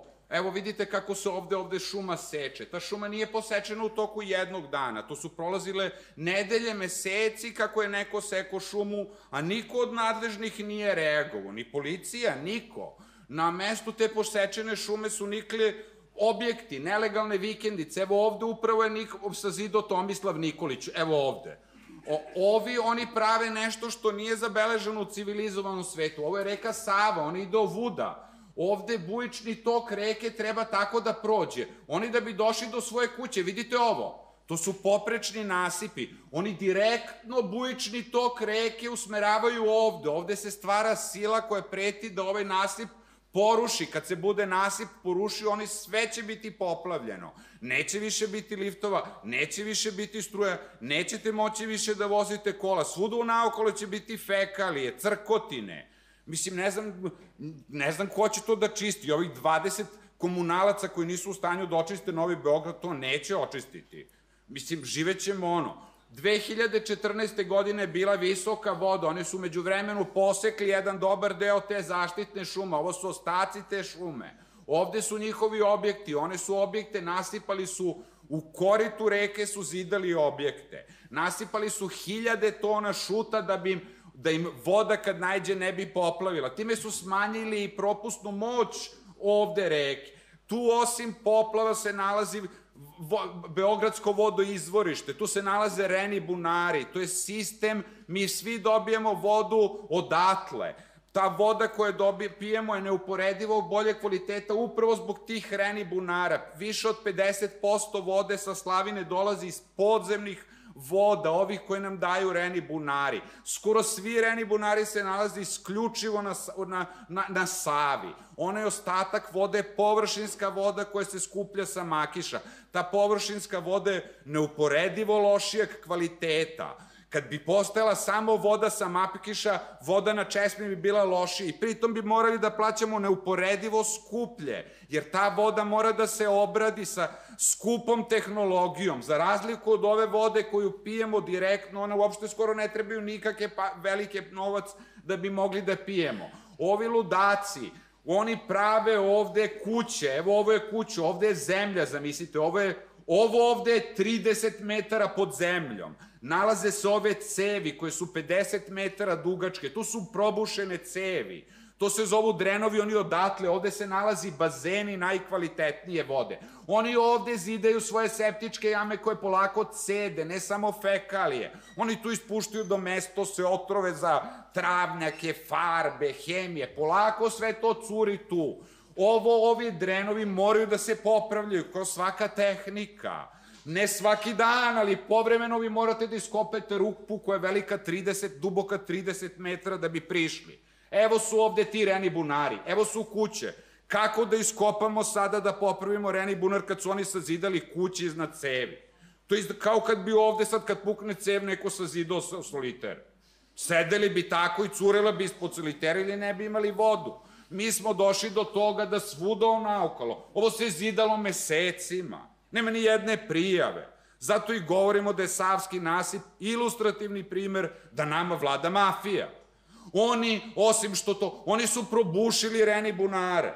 Probušili su ih evo ovako ovde da bi krali, da bi se privezali, ušli su unutra i kradu vodu. Evo ovde su probušili, odavde kradu struju kroz ventilacione otvore. Ukoliko se posle pita zašto nemamo struje, da moramo mini hidroelektrane, pa možda kad bi manje krali, možda i ne bi trebali mini hidroelektrane. Oni osim toga zidaju septičke jame, svuda naokolo su septičke jame. Mi imamo na Beogradskom vodu izvorištu rivijeru septičkih jama. Svi u naokolo ispuštaju fekalije do mesto se. Profesori kažu da samo 5 litara motornog ulja otpisuje jedan reni bunar na 20 godina. Ovde se nalazi 16 treni bunara. O tome niko, mislim, potpuno nismo u stanju da se skoncentrišemo, da se pozabavimo, da odredimo prioritete. Ni ovi mediji o kojima vi pričate, kao navodete ih da su Bog zna kako. Nisu oni, bog zna tako, uopšte nisam siguran da su oni svesni ozbiljnosti situacije. Oni više pišu o Babiću, o tome da je letovo na brionima. Kao da će to nešto sada promeni. Ja sam više pročitao o tekstovima, o tekstovo o Babiću gde letuje. Kak je me, šta me boli uvo za Babića? Kakve glupost. Ovo ovde ovni prave te poprečne puteve. Borimo se sada da ovaj porušimo. Nismo uspeli. Dalje nas drndaju. Neće, ne javlju se. Ovaj, na, ovaj poprečni put više od dve godine smo im prijavljivali. Borili se i na kraju su ga porušili. Ne znamo, valjda zato što smo bili uporni. Možda zato što nas sve više ljudi prati. Možda i zato što ovde dođemo. Ne znam, nemamo, ne znam zašto. Nemam odgovor zašto poruše, ali nešto ne poruše. Boriš se pa se nadaš da će da poruše. Eto. Oni, osim toga, taj nasip, nije dimenzionisan za saobraćaj motornih vozila. Jednostavno nije, nije napravljen da se po njemu. Njega saobraćaj motornih vozila oštećuje. Profesor na, jedan od naših najproznatijih, mi smo bili sada na tribini Branislav Đorđević je objasnio ako je nasip, postoje dve površine ovako kad se voze koje se bukvalno ovako srozaju od tih teških kamiona. Samo će ovako da se srozaju i da prođe. Mi smo prošle godine pisali, oni bizideo, vidite ovo ovde. Ovo su stepenice. Prošli put kad smo bili kod vas smo vam pričali da su zidali te stepenice, da podnosimo privu. Dve godine smo pisali za te. Ove godine pre možda četiri meseca su uklonili te stepenice. Una, ne znamo, eto, tako, borimo se, pa. Ove nasipske rampe, one su 9 godina, sve, nasipom je zabranjeno, postoje, na primjer, 15 nasipskih rampa. Oni su sve rampe polomili, 8 godina. Mi smo 5 godina podnosili prijeve. Ono, i posle 5 godina su uspeli, po, postavili su rampe. I sad neće da ih zaključuju. Znači, kao kad biste tražili da vam stave vrata na sef, da ne iznose vrata, oni posle 5 godina stavili držao sef otvoren. I oni svaki dan iznose vrata i svi se prave iznose pare iz tog sefa i direktor dolazi u tu firmu i gleda ljude kako iznose novac iz sefa i on odlazi u svoj kabinet i šalje mail. Eto, tako radi Goran Puzović, direktor Srbija voda. Njemu smo se, ovde se vide slike kako sve to propada. Glavni odgovorni je ovaj ovde čovek, to je direktor Srbija voda Goran Puzović. Podneli smo mu brojne prijave, ništa. Da je nasi probušen čovek ne reaguje. Mi imamo problem što nemamo zvuk ali ne veze. Evo, ove godine smo dokumentom vi snimili da je pregažena vidra na Savskom nasipu. Vidre su ugrožene i strogo zaštićene vrste. Želimo da na Savskom nasipu napravimo park prirode koji bi se prostirao od bloka 45, sve tamo do Ostružničkog, Ostružničkog mosta i dalje, gde bi mogli da uživamo u prirodi. Svedoci smo da se malobrojne javne gradske ove zelene površine uništavaju. Zidaju se svuda se nešto zida, ne možemo više ni da diš, nema više parkića. Mi nikada nismo dobili park. Želimo da dobijemo jedan veliki park u kome bi zbilja mogli da uživamo, koji bi bio tu, nemamo svi mogućnosti da idemo svaki dan na planinu. Mislim, dajte da imamo negde da odemo. Ja više ni, ta, ja živim na Vračaru, tamo nema ničega. Imam tri drveta i to stvarno se raduješ kad naletiš na drvo. Zbilja je tako. Oni, ne samo, oni ništa, go, ovaj Goran Vesić, kako su njima davali neke dozvole, pa on zato ne može da ih ruši. Čovek je, not, on je lažov, lažovčina jedna. U julu 2017. Evo ga 2019. Nelegalna gradnja se nastavila svih ovih desetine objekata i sada. Evo opet primer, novembar 2018. Februar 2019. Za to su odgovorne gradske vlasti. Mi smo, pitali su novinari Vesića. Vesić je za to rekao da je Savski nasip najmanji problem. Mi smo 2018. godine, kad smo bili ovde, pričali o tome što vi kažete, nas niko neće da zove. Mi smo snimili da hiljade kamiona, vidite ovo, ovo je zona zaštite Beogradskog vodu izvorišta, to je svaka gradnja za, zabranjena. Mi vidimo da svaki dan hiljade kamiona donosi nešto, sipa, sipa. Niko ništa ne radi. Mi pišemo o tome, podnosimo prijave, ništa. I jednog dana se dolazi zvonio s telefon, novinar sa RTS-a, zove se Palikuća, poznat je novinar i došao je napravio odličan prilog za RTS. On je čovek, otišli smo u Beogradski vodovod i kanalizaciju da ne bi bilo samo jedna strana, da ih pita šta je to, šta se to dešava, on je to negde video. I ovo je prilog koji nikad nije emitovan. Ovo sam ja snimio sa mojom kamerom, ali oni nisu hteli. Pogledajte kome su se oni obratili. Traje možda minut. Oni su pisali odeljenju za vodnu inspekcijama, životne sredinje, odeljenje za građevinsku inspekciju. Ovo čovek je iz Beogradskog vodovoda i kanalizacije. Govori o prijavi problema da je videno da je neko nasuo hiljadu kubika kamiona šuta na Beogradskom vodoizvorištu. Da bi se ispostavilo šta? Da je šut nasut iznad magistralnih vodvodovoda odakle novi Beograđani dobijaju vodu. Znači, neko je krenuo da zide naselje, to znači da sutra kad bi vam crkao, ceo novi Novi Beograd ne bi imao vodu. Zato što se neko tu su zidao kuće ili ćete da srušite sutra celo naselje. I nikom ništa. Ovo nije emitovano. Prilog je odličan napravljen. Mi smo snimali tamo. Kako ste reagovali? On piše, podne prijeve protiv nepoznatih osoba, koje su... Kome je podnet prijeva? Podnete prijatve Vesiću, Šapiću, ništa. Mi smo prošle godine krenuli da pišemo jer smo svesni, mi smo obični ljudi. Kad kreneš da pišeš o nekom problemu, istog trenutka na sebe navučeš ozbiljnu količinu i problema. Ukoliko mi krenemo da pišemo o splavovima jer su oni nelegalni, mi ćemo odmah imati možda i hiljadu ljudi koji će želeti da nam nešto loše učine. Baš zato, zato što mi udaramo u njihovo ono, kao što smo udarili na ove vikendaže. Prošle godine smo prvi put krenuli da podnosimo prijeve za Savski kej. Savski kej na Novom Beogradu je šetalište urođeno. Dugačko je samo 2 kilometra. Na tih 2 kilometra nekad smo stvarno uživali. To je jedno od najlepših šetališta pored reke koje Beograd ima. E, trenutno na tom mestu ima preko 100 splavova. Mi od splavova više reku ne možemo da vidimo, ne možemo da je priđemo. To je potpuna katastrofa. Sve to je nelegalno. Nijedan splav nema rešenja za uzeću obale, oni ispuštaju fekalije. Tu se isto nalaze reni bunari. Oni ne smeju. Evo ovako je nekada to izgledalo. Ukoliko pogledate, ovo je taj Savski kej, ovo su te klupice gde ste mogli da sedite, uživate. Znači, stvarno je izuzetno. Ovo je sada, ovo je vlasnik Tsunami, on je postavio ovde ograd, on je čak na obalu utvrdi napravio i parking za svoju neku prikolicu. Evo ovde imamo i palme.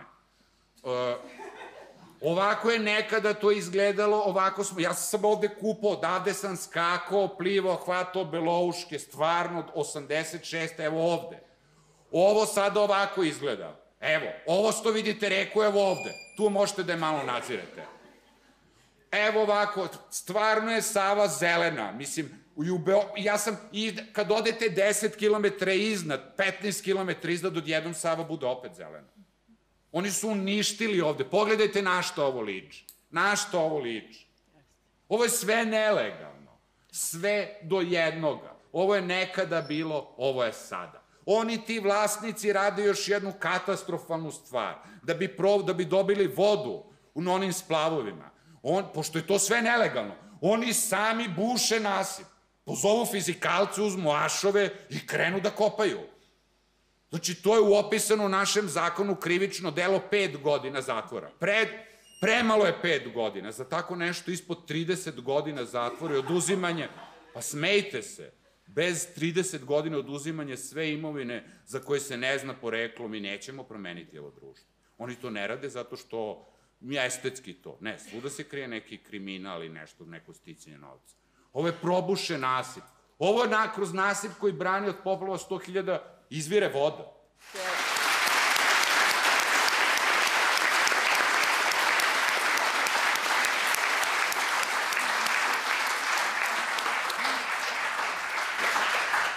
Hvala vam puno. I u martu ste bili jako strastveni i sada i to je skroz dobro da ste uporni i da nastavljate borbu i svaki dan pišete prijeve i to je sve istorija. To je sve dokumentovano i ovaj prilog će biti izvučen iz bunkera RTS-a, tako da će biti emitovan jednog dana, ali to sve ostaje kao, kao dokument.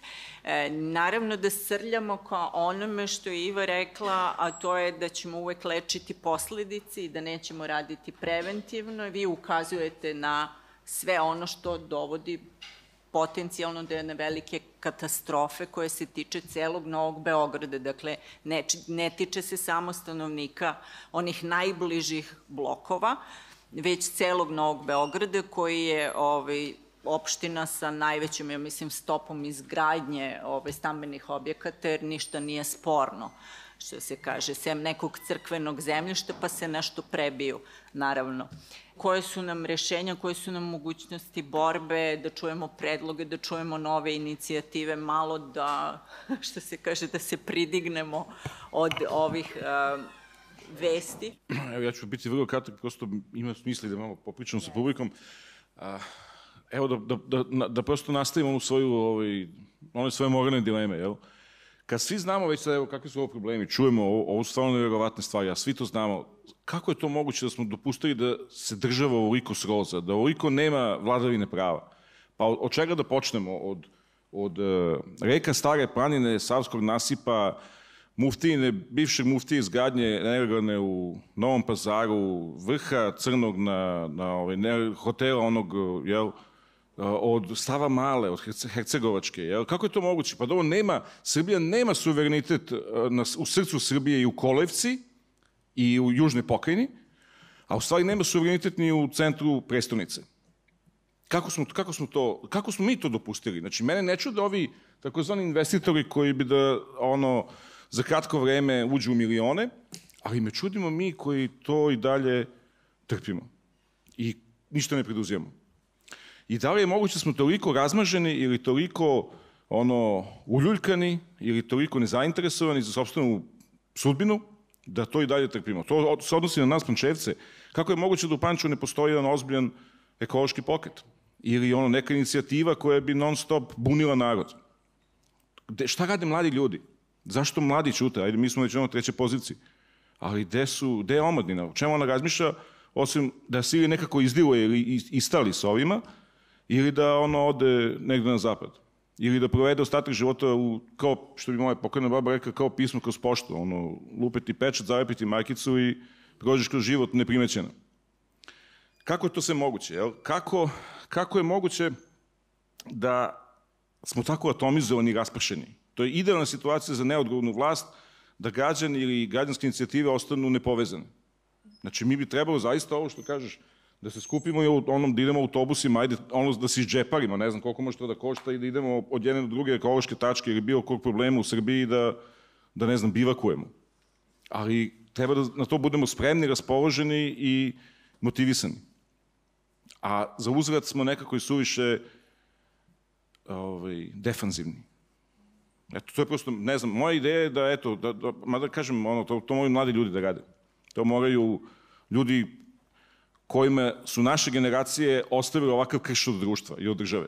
I meni je jasno da su mladi demotivisani i, i raspamećeni, jer od kad su rođeni, rođeni su u kršu i lomu. Ali da bismo jednog dana imali neku inspekciju sa, koja će dođe s nekim građanskim mašinama i da poruši ovaj krš na, na Savskom nasipu, moramo od nečega da krenemo. Jel? Moramo, moramo da, os, da se prosto osnažimo, da počnemo da pravimo državu.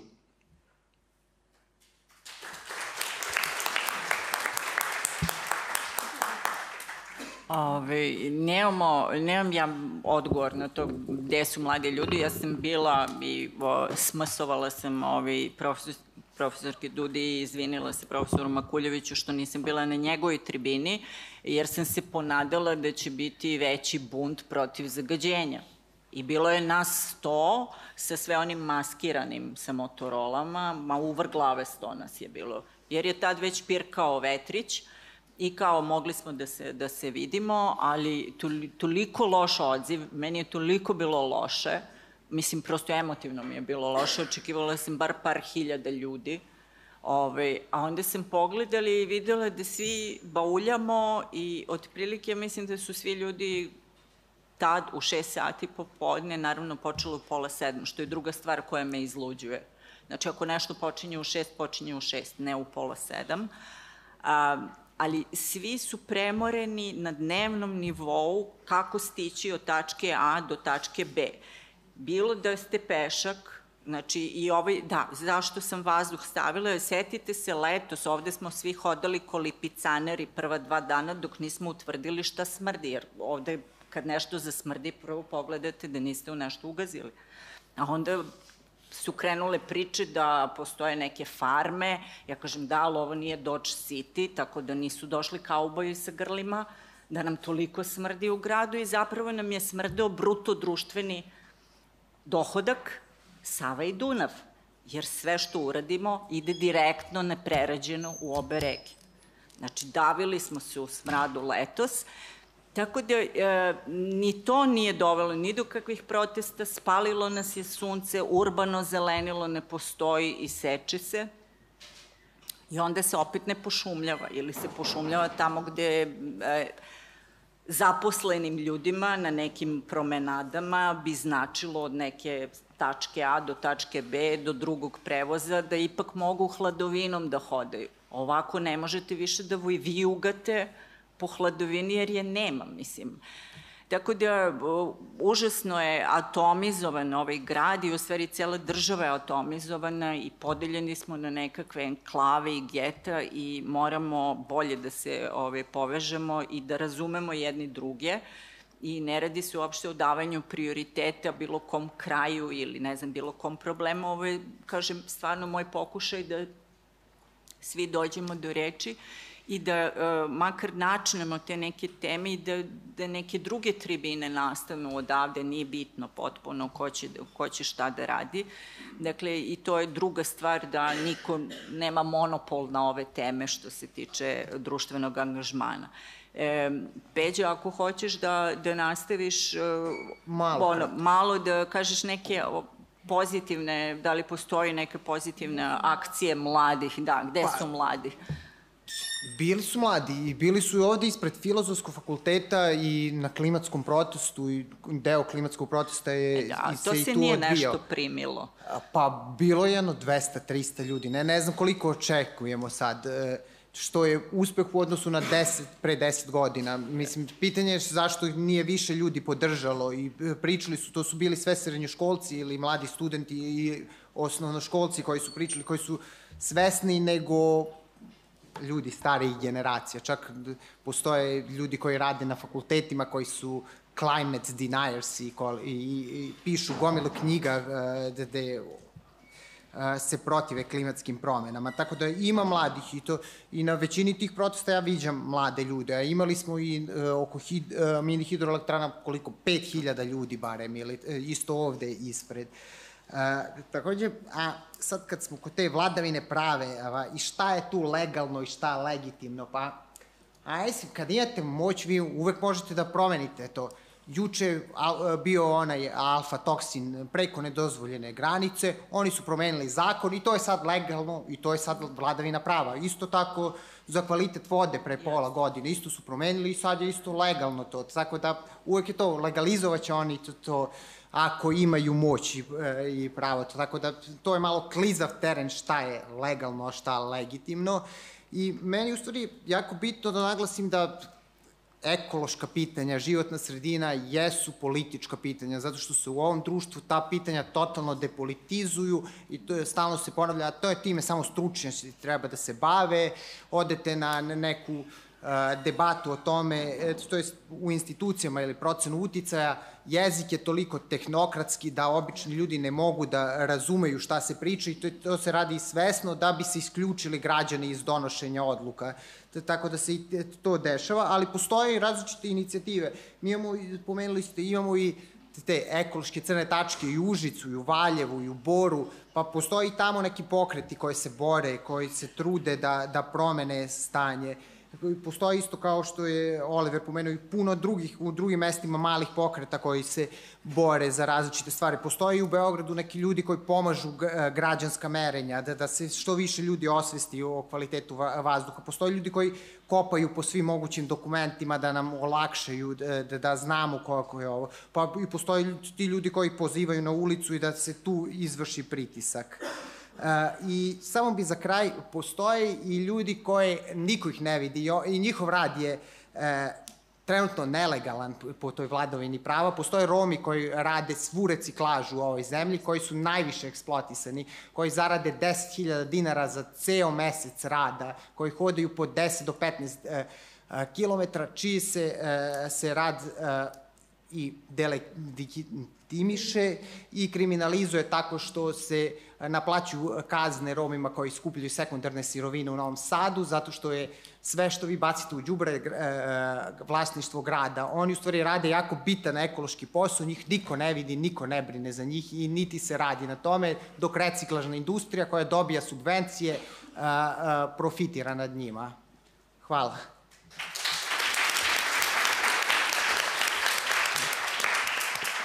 Da. Hvala, to je još jedno dobro zapažanje da to jeste političko pitanje i treba da bude političko pitanje i sve je politika i ne treba od toga bežati i treba biti opredeljen i treba znati na kojoj strani je stvarno pravda, ali u smislu i za buduće generacije, ne samo za sebe i svoju porodicu. I uh, Iva bi htela da predstavi uh, još neke inicijative i uh, koje postoje neke lepe ideje. I naravno očekujemo od publike, pošto ovo nije performans i niste došli samo da nas gledate, nego očekujemo i pitanja, da proširimo ovu o, debatu i ajmo da završamo ovaj, ovako. Ja sam naš. htjela da se nadovežem u stvari na, na Olivera. Um, na primer, evo sad, uh, to je u martu, uh, si pomenula, Jelena, a, bila je akcija na Dan voda. Svetski dan vode 22. marta i pravo na vodu inicijative iz koje ja dolazim je i u saradnji sa Savskim nasipom i o, različitim drugim inicijativama i odbranimo reke Stare planine. Dakle, gde god je na lokalu postojala neka borba za neki vid vodnog resursa, mi smo im prišli e, i u 13 gradova, dakle 13 mesta u Srbiji su se pobunila, izašla, na neki način obeležila to. Jedino mesto gde je došlo do gurkanja, on, nasilja, incidenta je bio Savski nasip. A, I sad mi možemo da mislimo da je to uh, nešto, eto, tu su došli neki divljaci. Ne. Dakle, to su ljudi koji su došli kao plaćeni batinaši od strane vlasnika uh, tih uh, ovaj, pa to je od vikendice do vile. Tu ima i vila i, i svega i svačega. Dakle, oni su došli spremni na fizički konflikt, bez obzira što je tu policija, što je naš skup prijavljen, što je naš skup legalan. Oni su bili tu, da kažemo, sa druge strane zakona, ali to njih nije sprečilo da nas bukvalno fizički izguraju. Nažalost, mi nismo neki koji će sad tamo da, da tom učestvuju u masovnoj tuči, tu su bila, e, bili su roditelji s malom decom, ljudi sa biciklom, dakle to je bila jedna rekreativna šetnja koja se završila tako što oni nas po mraku opkoljuju, prete pištoljima, odnosno prete da će doneti pištolje iz tih vila koje imaju, pokušavaju da, oduzim, da oduzmu baner i slične stvari. I sad, na tragu toga, oboj, i Ćuta kaže, i, i Oliver kaže ludaci. Ja sad hoću da vam, ovaj, da ne ulazim u, u previše detalja, ali samo da vam otkrim jedno ovako tajno u stvari. Kad imate užasnu borbu i borba je užasno teška, imate jako malo resursa, neprijatelj je ogroman, neprijatelj, neprijatelj je sistemski, sve je na njegovoj strani. Vi morate da imate dobar narativ. I u ovom narativu mi jako često kažemo da su to neki ludaci, da tu postoje monstrumi, da postoje ljudska čudovišta koja nemaju nikakvu empatiju, koje nemaju nikakav osjećaj ni za tuđe, uh, do, tuđu dobrobitni ovaj, za buduće generacije i tako dalje. Dakle, da su to neka čudovišta. To uopšte, nažalost, nisu čudovišta. To su ljudi koji su pronašli svoju nišu u sistemu koji je pogrešan. Dakle, taj sistem koji dozvoljava da nekome padne na pamet, da investira, da traži kredit od neke banke, gde banka kaže baš me briga od čega je ovo i šta će on da radi, ja hoću nazad svoje, svoj prihod, gde on kaže baš me briga šta radi ova mala hidroelektrana, ja hoću nazad svoj prihod čist, čist, čist profit šest godina nakon što isplati svoju uh, investiciju Dakle, oni su prosto pronašli sve ono što ne valja u našem sistemu i koriste ga za svoju dobrobit. Tu, dakle, tu ne vredi da pozivamo na, na, uh, na moral, da kažemo ovo je sada loše ovako onako, tu zaista mora da se promeni sistem. Dakle, feed-in tarife, ovo je pre, pre, prekratko da objašnjavam sada kako funkcionišu, one ne ograničavaju investitore u male hidroelektrane uopšte. One ograničavaju solarnu energiju, one ograničavaju energiju vetra, kogod hoće sada ide, odnosno ko ima dobre uh, konekcije naravno, ide, uh, investira u to, preskače dozvolu po dozvolu, dobija je i dobija profit. Dakle, to je jedan racionalni, krajnje racionalni argument. Mislim, ljudi koji se bave e, teorijom i filozofijom će razumeti to. Uopšte nije nikakva sada ludorija. To je uh, uh, jasna, jasna logika. I sa takvim neprijateljem, dakle sa takvim problemima, mi moramo, dakle moramo nekako da izađemo i da ih obojimo kao čudovišta. To je ono gde je vrlo klizav teren da se uđe u teorije zavere. Dakle, da se uđe u teorije i o, ovaj, želela sam zapravo da govorim o, o, o društvenoj dinamici pokreta ekoloških u Srbiji, pošto Srbija dan danas nema, dakle za razliku od mnogih nekih drugih zemalja, nema jedinstven ekološki pokret. Kada pomislite sad imate, ne znam, Greenpeace, imate ne, različite neke veće organizacije ili pokrete koji u nekim zemljama i, i kontinentima, dakle, kako bih rekla, mrače i oblače na polju životne sredine. U Srbiji to ne postoji.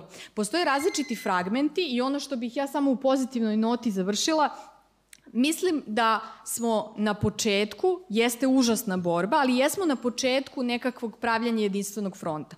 U Novom Sadu je napravljen uh, ekološki front Novi Sad koji okuplja različite ekološke organizacije, ali i organizaciju Krov nad glavom. Dakle, to je takođe jedna borba protiv privatizacije, oduzimanja, otimanja siromašnima i onima koji su ugroženi u ovom slučaju stanova, u nekom slučaju vode, u nekom slučaju parkića, savskog nasipa i tako dalje. Dakle, mislim da smo na tom nekom početku da moramo uskoro da prevaziđemo, moramo, prosto nužna je, e, stvarno je hitna situacija, ne, uopšte ne paničim, dakle to je prosto, ovaj, kako, kako, kako bih rekla, ako niste ljuti, kakvi ste to ljudi. Yes. Dakle, a, mi imamo trenutno pokrete koji se bave vrlo lokalizovanim temama, a, ima u, u, u teoriji društvenih pokreta su to a, Lulu ili NIMBY, odnosno Not in my backyard, dakle neću ja sad kod mene u mom dvorištu da se nešto radi, baš me briga ako se radi negde drugde. Ili ne želimo uh, locally unwanted land use, dakle ne želimo da se lokalno sada kod nas ovde ovako na ovaj način koristi zemljište, to je pitanje parkića i tako dalje. To su sve počeci, dakle to su nekakve inicijalna uh, uh, mesta koja moraju u nekom trenutku da nađu zajednički jezik međusobno. I ja stvarno pozivam sve ljude koji su tu i koje poznajem i koji imaju, naravno imaju uh, gomilu problema u međusobnoj komunikaciji. Niko od nas nije, uh, ne znam kako, uh, kako bih rekao, prošao sada kolektivne terapije pa da možemo svi vrlo lako i jednostavno da razgovaramo, ali mi moramo da razgovaramo međusobno pogotovo unutar tog šireg uh, ekološkog pokreta. Uh, pozdravila bih inicijative takođe koje su, uh, postoje velike kritike na račun ovih globalnih kretanja uh, pokreta Petkom za budućnost, Fridays for Future, na čelu sa, sa Gretom. Thunberg, uh, dakle, te kritike uh, su naravno nekim delom opravdane, ali mislim da nismo još uvek svesni koliko je to pomerilo celokupan uh, narativ u javnosti o zaštiti životne sredine i o klimatskim promenama. Dakle, to jeste nešto na čemu možemo da da budemo zahvalni, ali ne smemo na tome da stanemo. Mislim da je ok imati takav pokret u Srbiji, ali ne smemo ni da budemo ni franšize nekakvih globalnih pokreta koje sad samo kopiraju nešto što možda kod nas uopšte nije primenljivo. Uh, ne, dakle, To je potrebno, naravno, potrebne su, su globalna neka kretanja, potrebne su lokalne, vrlo, vrlo jasne, egzaktne, uh, partikularne borbe, ali to mora da dođe u međusobnu, uh, za početak komunikaciju, a na kraju i zajedničku pobedu.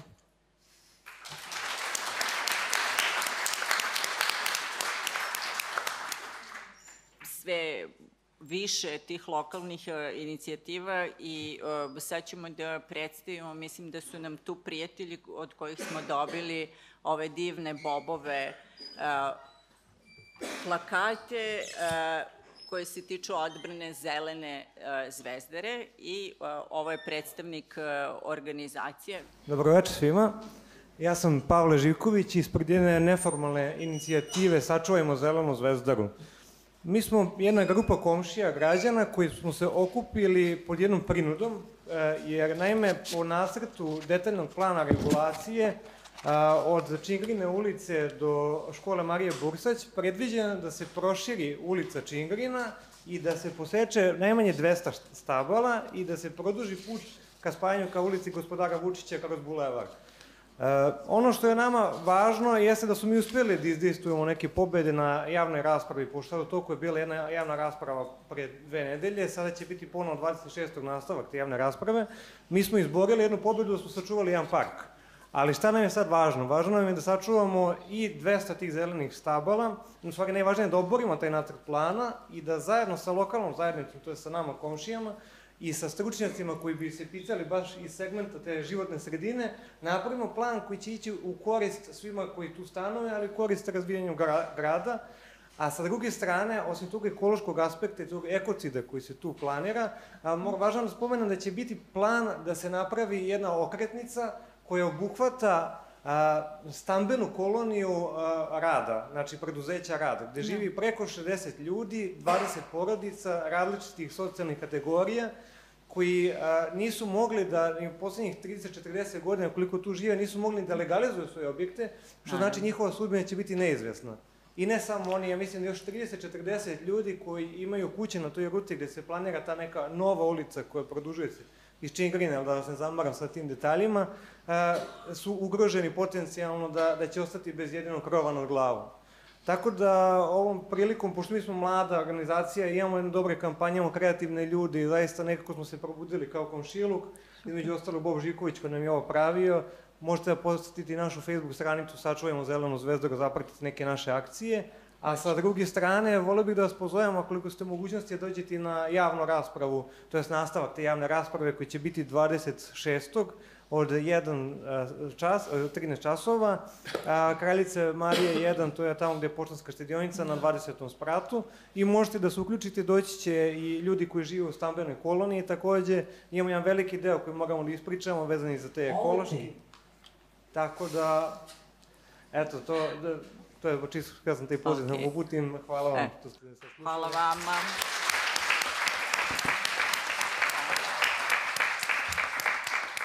Hvala, eto, postoje još uvek dobri komšiluci, a e, sistem čine ljudi.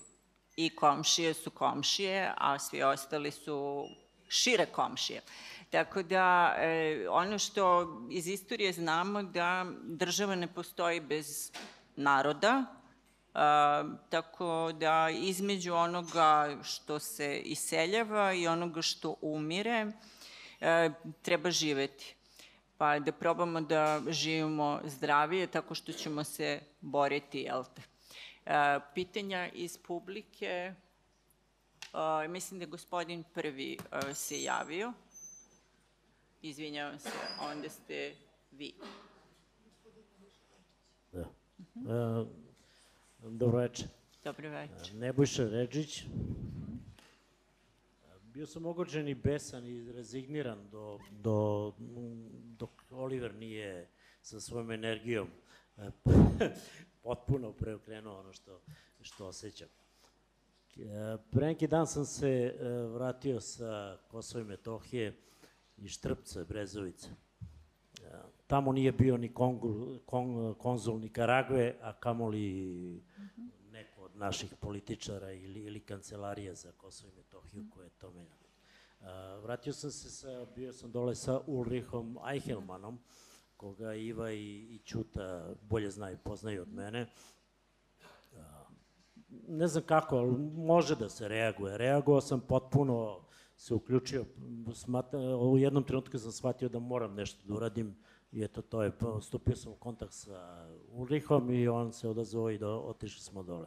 Održali smo panel, diskusiju i, i protest na jednoj lokaciji gde se pravi mini hidrocentrala. Uh, oko 50 hidrocentrala na tom području, mini hidrocentrala, uh, je u zaštićenoj zoni nacionalnog parka. Mislim što je neverovatno, ali, ali je tako i po prvi put su Srbi i Albanci imali zajednički cilj i jedinstvo. Znači, zajedno su protestovali, bili su na tom protestu i to traje već godinama i zajedno su podnosili i ROSU, te njihove specijalne jedinice, ali i dalje traje taj, taj otpor. Kada su izdavali dozvole u investitorima, u Ministarstvu za ekologiju, Kosovo opet, nisu znali, navodno nisu znali da je to nacionalni park, i da je on tek osnovan 2017. su izdate dozvole, a nacionalni park je 30 godina pre toga. Lokalna vlast je srpska lista, u toj celom toj enklavi živi i 80% Srba. E sad možete zaključiti koliko su to, koliko je to srpska lista i, i kakvi su to Srbi. No, sprega ministarstva u Prištini, lokalne samuprave, nije filozofski, nije srpski, ali money talk, shit walk. Moram to da kažem. Javna rasprava je napravljena navodno u Kačaniku koji je 30 km od, od, od Štrpca i Brezovice. U Kačaniku gde živi 30 godina nije, ne postoji srpski živalj koji je najugroženiji izgradnjom ovih mini hidroelektrana. Navodno je održana, normalno, niko to nije ni video, ni, ni, niti čuo. A, nisu samo Srbi ugroženi nizvodno od Štrpca 3-4 km na reci Lepenac e, koja je potpuno devastirana, e, razrušene e, obale, postavljene cevi 10, 20 km sa 5-6 brana i ovoga, žive Albanci koji su isto tako učestvovali u ovom protestu. Ostaje ono pitanje šta uraditi, ne znam, ako se ova vlast, ministarstvo njihove energetike, naše, lokalna samuprava, kancelarije za Kosovo i Metohiju, hrabro busaju grudi da je Kosovo naše, za mene jeste, i da se nikad nećemo odreći, pa hajde da počnemo da se ne odreknemo vode. Ministri, sekretari, direktori, kancelarije, stavite glavu u cev usmerite pogled i pomozite tim ljudima. Po svim zakonima, normalno, cevi se usmeravaju i okreću prema onima koji ih postavljaju. Možda aluzija nije baš Ne budite ispred cevi i reka i prirode, nego budite ispred života. Tim ljudima je potrebna podrška, medijska galama, uh, pravna pomoć, uh, što Ćuta kaže, protesti, pritisci, uh, non stop investitorima ili, ili administraciji koja to dobra treba biti za vratom i, i, i goniti ih i pritiskati da osjećaju taj pritisak da oni jednostavno A, uglavnom to je to, mislim, toliko je utisak jer sam ja pre neki dan došao dok, dok se, prikupim se ostalo i ovo govorim kao, da ovo govorim kao navijač sa tribina, verovatno bi imalo odjeka, ali pošto govorim na tribini, ne znam koliko će biti odjeka. Ima, I još jedna ima stvar, odjeka. samo 6,5% ovoga je plagijat. Ovo ostalo je original moj. Hvala. Hvala vam. Hvala vam što ste išli ovaj, dole jugu Štrpce. Mi koji pratimo pre svega preko Facebooka i svih stranica za očuvanje ovaj, prirodnih dobara, otprilike moja svakodnevni page izgleda kao zid plača. Mogu da otplačem od cele planete, pa onda da dođem do, do naših ovaj, lokalnih uh, problema. Uh, to jeste jedan slobodan, da kažem, način izražavanja i moderiranja i tu treba što više postojati. Savski nasip je jako aktivan i možemo da pratimo na dnevnom nivou šta, šta se dešava, tako da imamo dokumentaciju u smislu povezivanja borbe. Ja se nadam da ste se vi povezali, jel te, sa gospodinom Ninčićem, da, e, okej, okay, eto, da se umreži otpor mladi kolega, da čujemo mlade. A što se tiče najmlađih, hteo sam da pomenem malo pre, pošto su pričali kako nam fali, uh, pričali su stari ljudi kako nam fali parkova, kako se reke stavljaju cevi, a pominjali su malo pre kako a, narod nema da se greje koliko nemamo novca u državi i tako dalje. U principu za sve to vreme gde nemamo da se grejemo, nemamo novca i naši najmlađi svoje vreme provode tako što jačaju opružač palca, prevrćući Instagram, YouTube, Face i ostale društvene mreže i naravno sede u jednom od 540.000 novih shopping molova koji se otvaraju po Beogradu i nastavit će da se otvaraju i umesto da imamo velike reke imat ćemo najveći tržni centar u Evropi, možda i šire ili šta već, tako da okay, samo sam bi... teo da čujem mišljenje ja. ostatka. Da li bi rešenje bilo da neko od ovih uh, so-called influencera pređe na našu zelenu stranu. Pa možda bi to bilo... I onda to Mo- vrćenje da, bi da, imalo da. smisla. Zato što veliki broj tih influencera umesto da komentariše nešto što nas okružuje, umesto da komentariše, ne znam, seču drveća u košnjaku za vreme 1. maja ili ono, Da. zatvaranje Okej. parkova ili nešto slično tome, oni komentarišu e, ne znam, kako brzo zaraditi, kako postati poznat, kako dobiti 56.000 lajkova na Instagramu, Facebooku, što mislim apsolutno nije bitna stavka. Jest. Mislim, to što neko ima 100.000 lajkova, Jest. 1000 pratilaca, neće mu pomoći ni, ni, ni za jednu stvar u životu. Dobro, ja predlažem, evo, zadužujem vas da, da zavrbujete nekog od tih influencera i da nam onda sledeći neki ekološki protest bude masovniji i okej, nek prave selfije, što god, whatever, ovaj, ali da što više ljudi ovaj, sazna za prave stvari. Ja, hvala.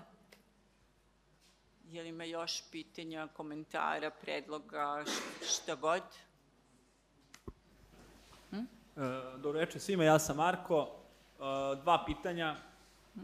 Prvo pitanje može, mo, može recimo Iva da odgovori ili bilo ko, vezano je za evropske regulative koje se tiču voda i jednu komparativnu analizu onoga što smo mi o, nekada posledovali kao SFRJ, kasnije Jugoslavija, danas Srbija i nečega što Evropska unija posjeduje i koliko je Evropska unija, da kažem, na negativnoj strani danas, koliko su tolerantni sa aspekta svih hemijskih analiza i ostalih recimo stvari koje su ovaj vrlo bitne sa aspekta, ne znam, amonijaka, bora, natrijuma, hlorida, recimo bekerela sa radioaktiv... kad se, kad se ovaj, govori o radioaktivnosti i nekih drugih stvari. Znači, naša regulativa koja, koja je ostala od stare zemlje je i dalje najbolja sa aspekta uh, rigorozne netolerancije na sve te stvari, a mi se sa tim regulativama evropskim kojima želimo da težimo, u stvari pogoršavamo. Pa ako može neko da prokomentariše te stvari koji su Ovaj, mislim da je to nesvesno. Mi nismo ni svesni koliko su naši zakoni nekadašnji mnogo dobri i koliko su te stvari vezane za ovu, ovaj aspekt životne sredine bili dobri. Slažem se, jeste. Mi smo imali strože regulative koje se sada izjednačuju sa evropskim regulativama koje su manje stroge, a još postoji, to pričalo se pre par godina i, e, i dalje e, postoji mogućnost oko onog TTIP, transatlantskog sporazuma, gde bi se evropske regulative izjednačile sa američkim regulativama koje su još blaže, gde bi još više moglo da se srozaju standardi. Uh, ja sam htela u načelu da se složim da, da ne treba snižavati standarde, da nas Evropska unija apsolutno ne primorava da mi snizimo standarde, nego mi uzmemo i protumačimo da nam je ona sada rekla da je bolje da imamo uh, niže to, to i to, uh, odnosno višu količinu dozvoljenu ili da nam je bolje da uh, tra, ovaj, tranziciju energetsku ka obnovljivim izvorima koristimo mini hidroelektrane, što nam takođe uopšte Evropska unija nije rekla, nego su naši ljudi to tako protumačili ovde i ostavili prozor da, da, da se to eksploatiše.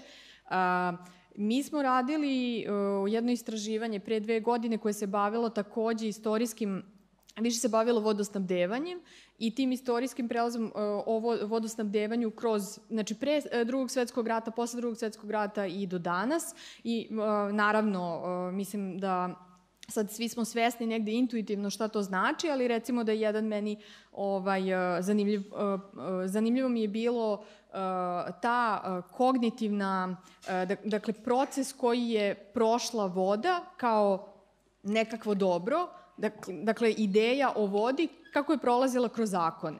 I onda sad imamo zakon FNRJ, odnosno Ustav FNRJ, gde je voda opšte narodna a, e, do, a, dobro od opšte narodnog interesa. Dakle, tako nekako je postavljeno da je to nešto što je svačije i za svačiju upotrebu, ali i za sva, dakle, da, da je svakom u interesu da, da to bude, da ostane zajedničko. I onda je krenula polako da se e, tumači kao e, resurs, kao voda, tako dalje, tako da bi danas ovaj, u zakonima ona e, imala nekakav status, dakle onog resursa koji treba da se eksploatiše, gde je jasno prosto e, ovaj, asocijacije na to da je to nešto što bismo mogli da da ovaj, e, iskoristimo. Jedan zakon, odnosno zakon o vodama, kaže da to jeste javno dobro, srećom i dalje, da jeste javno dobro, onda drugi zakon, na primjer, kaže da može da se ovo što se dešava, što bi, e, što bi na primjer, kada bi pokušali da legalizuju ove sve vikendice na Savskom nasipu, dakle da imaš pravo zakupa nad vodnim zemljištem, pa da imaš pravo koncesije nad a, vodoizvorištem. Mi smo, na primjer, u Srbiji privatizovali sve banje. Dakle, nama ništa to Evropska unija nije rekla da radimo i ja mislim da međunarodni e, sporazumi, propisi, standardi treba da nam pomognu. Dakle, tamo gde mi nemamo dobre naše.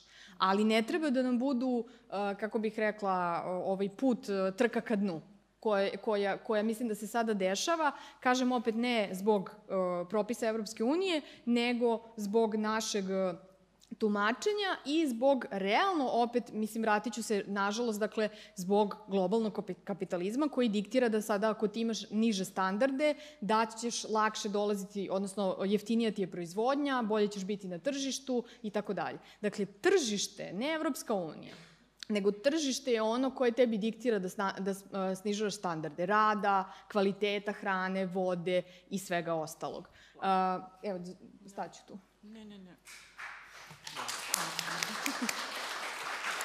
Ajmo još kratko, ja mislim da su svi gladni da idu na slavske večere. A, rekli ste da je danas svetski dan filozofije. Yes. Sedimo ovde yes. i evo sada je prvi put znači, pomenuo neko kapitalizam.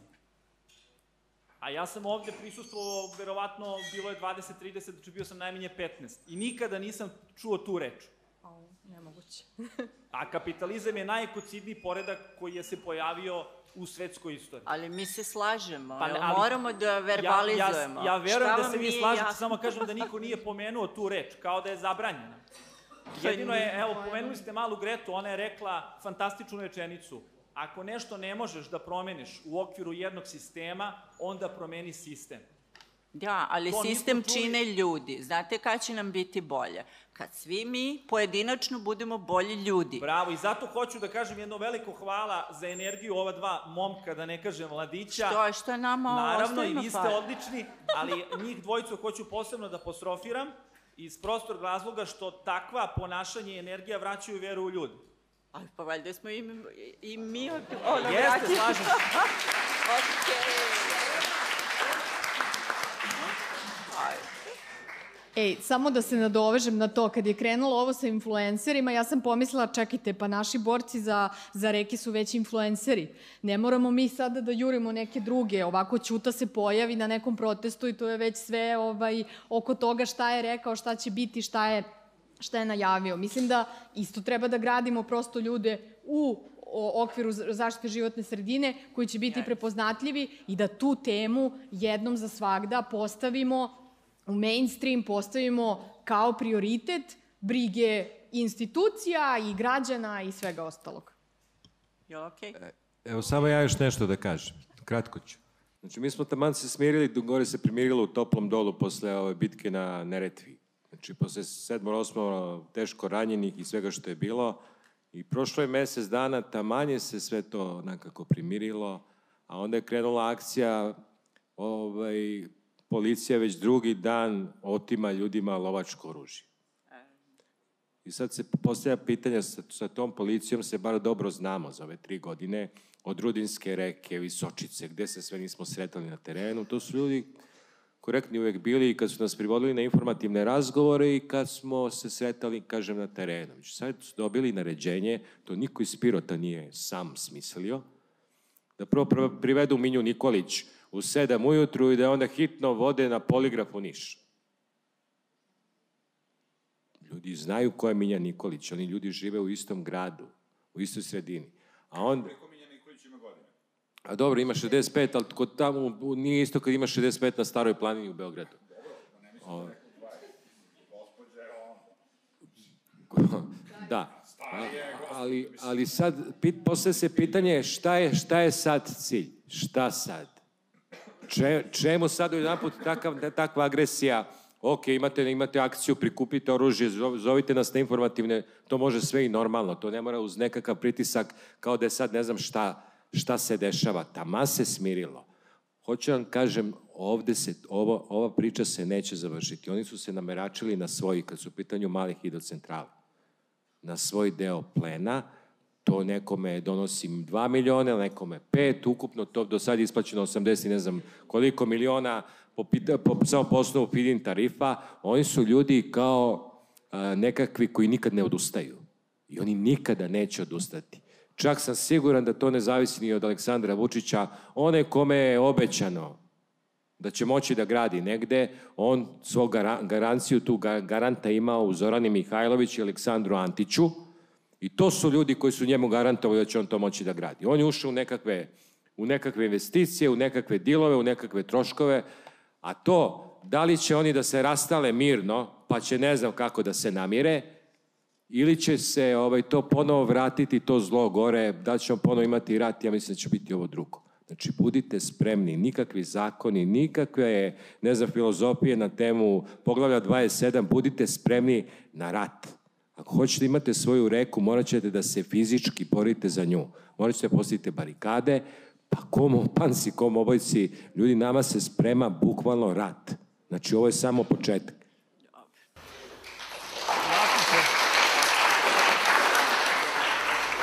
O jedan mm -hmm. kratak komentar.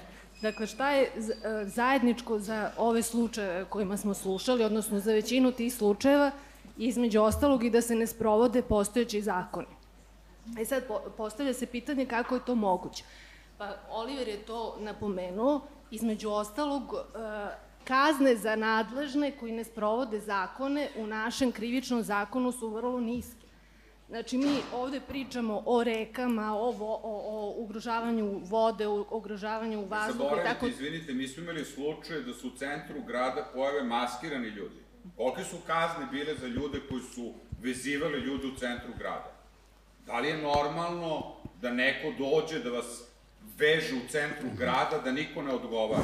Da imamo dve godine, koliko? Ne zna se, par meseci. Da li je normalno to da se desi? Kakve su to kazne? Dakle, jedno je pitanje kako urešiti ovo sliče čuda jeste jedan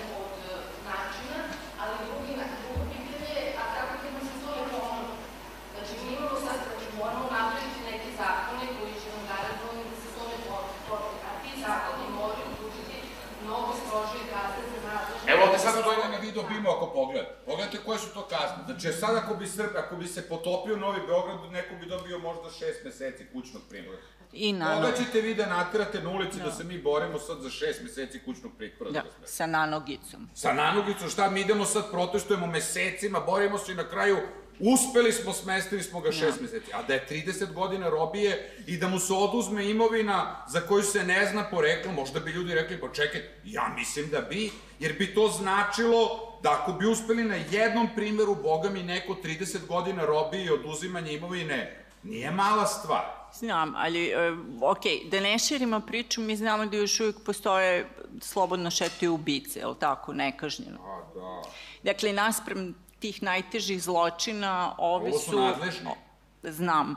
Ovaj, tako da, ono što se zna e, da je obrazovanje ključ i obrazovanje ne samo u školi, nego i kod kuće. Tako da apelujemo naravno i na roditelje da svoju decu jel te, obrazuju o značaju, zašto je bitno da o, čuvaju i ne prljaju ove, koliko god mogu e, životnu sredinu. Ja se svim gostima ove, zahvaljujem ja se nadam da ćemo imati još prilike da se e, družimo i ovde i na nekim drugim mestima. Hvala ove, inicijatorima ove, ovog ciklusa, hvala kolegama koji su došle, hvala publici što je gladovala i odlagala odlazak na slavu i ove, hvala svima koji ćete jel te, preneti uh, utiske i brojati lajkove šta god, izveštaje. E, eto, neka nada postoji da će ove lokalne inicijative da se ukrupne i ima nagovešte da će ipak biti nekih novih političkih uh, stranaka kojima će ekologija biti bliže srcu. Je tako, Iva? Nije me čula. Jel jesi? Čula si i ignorišeš. Ok. A ovo je bio spoiler.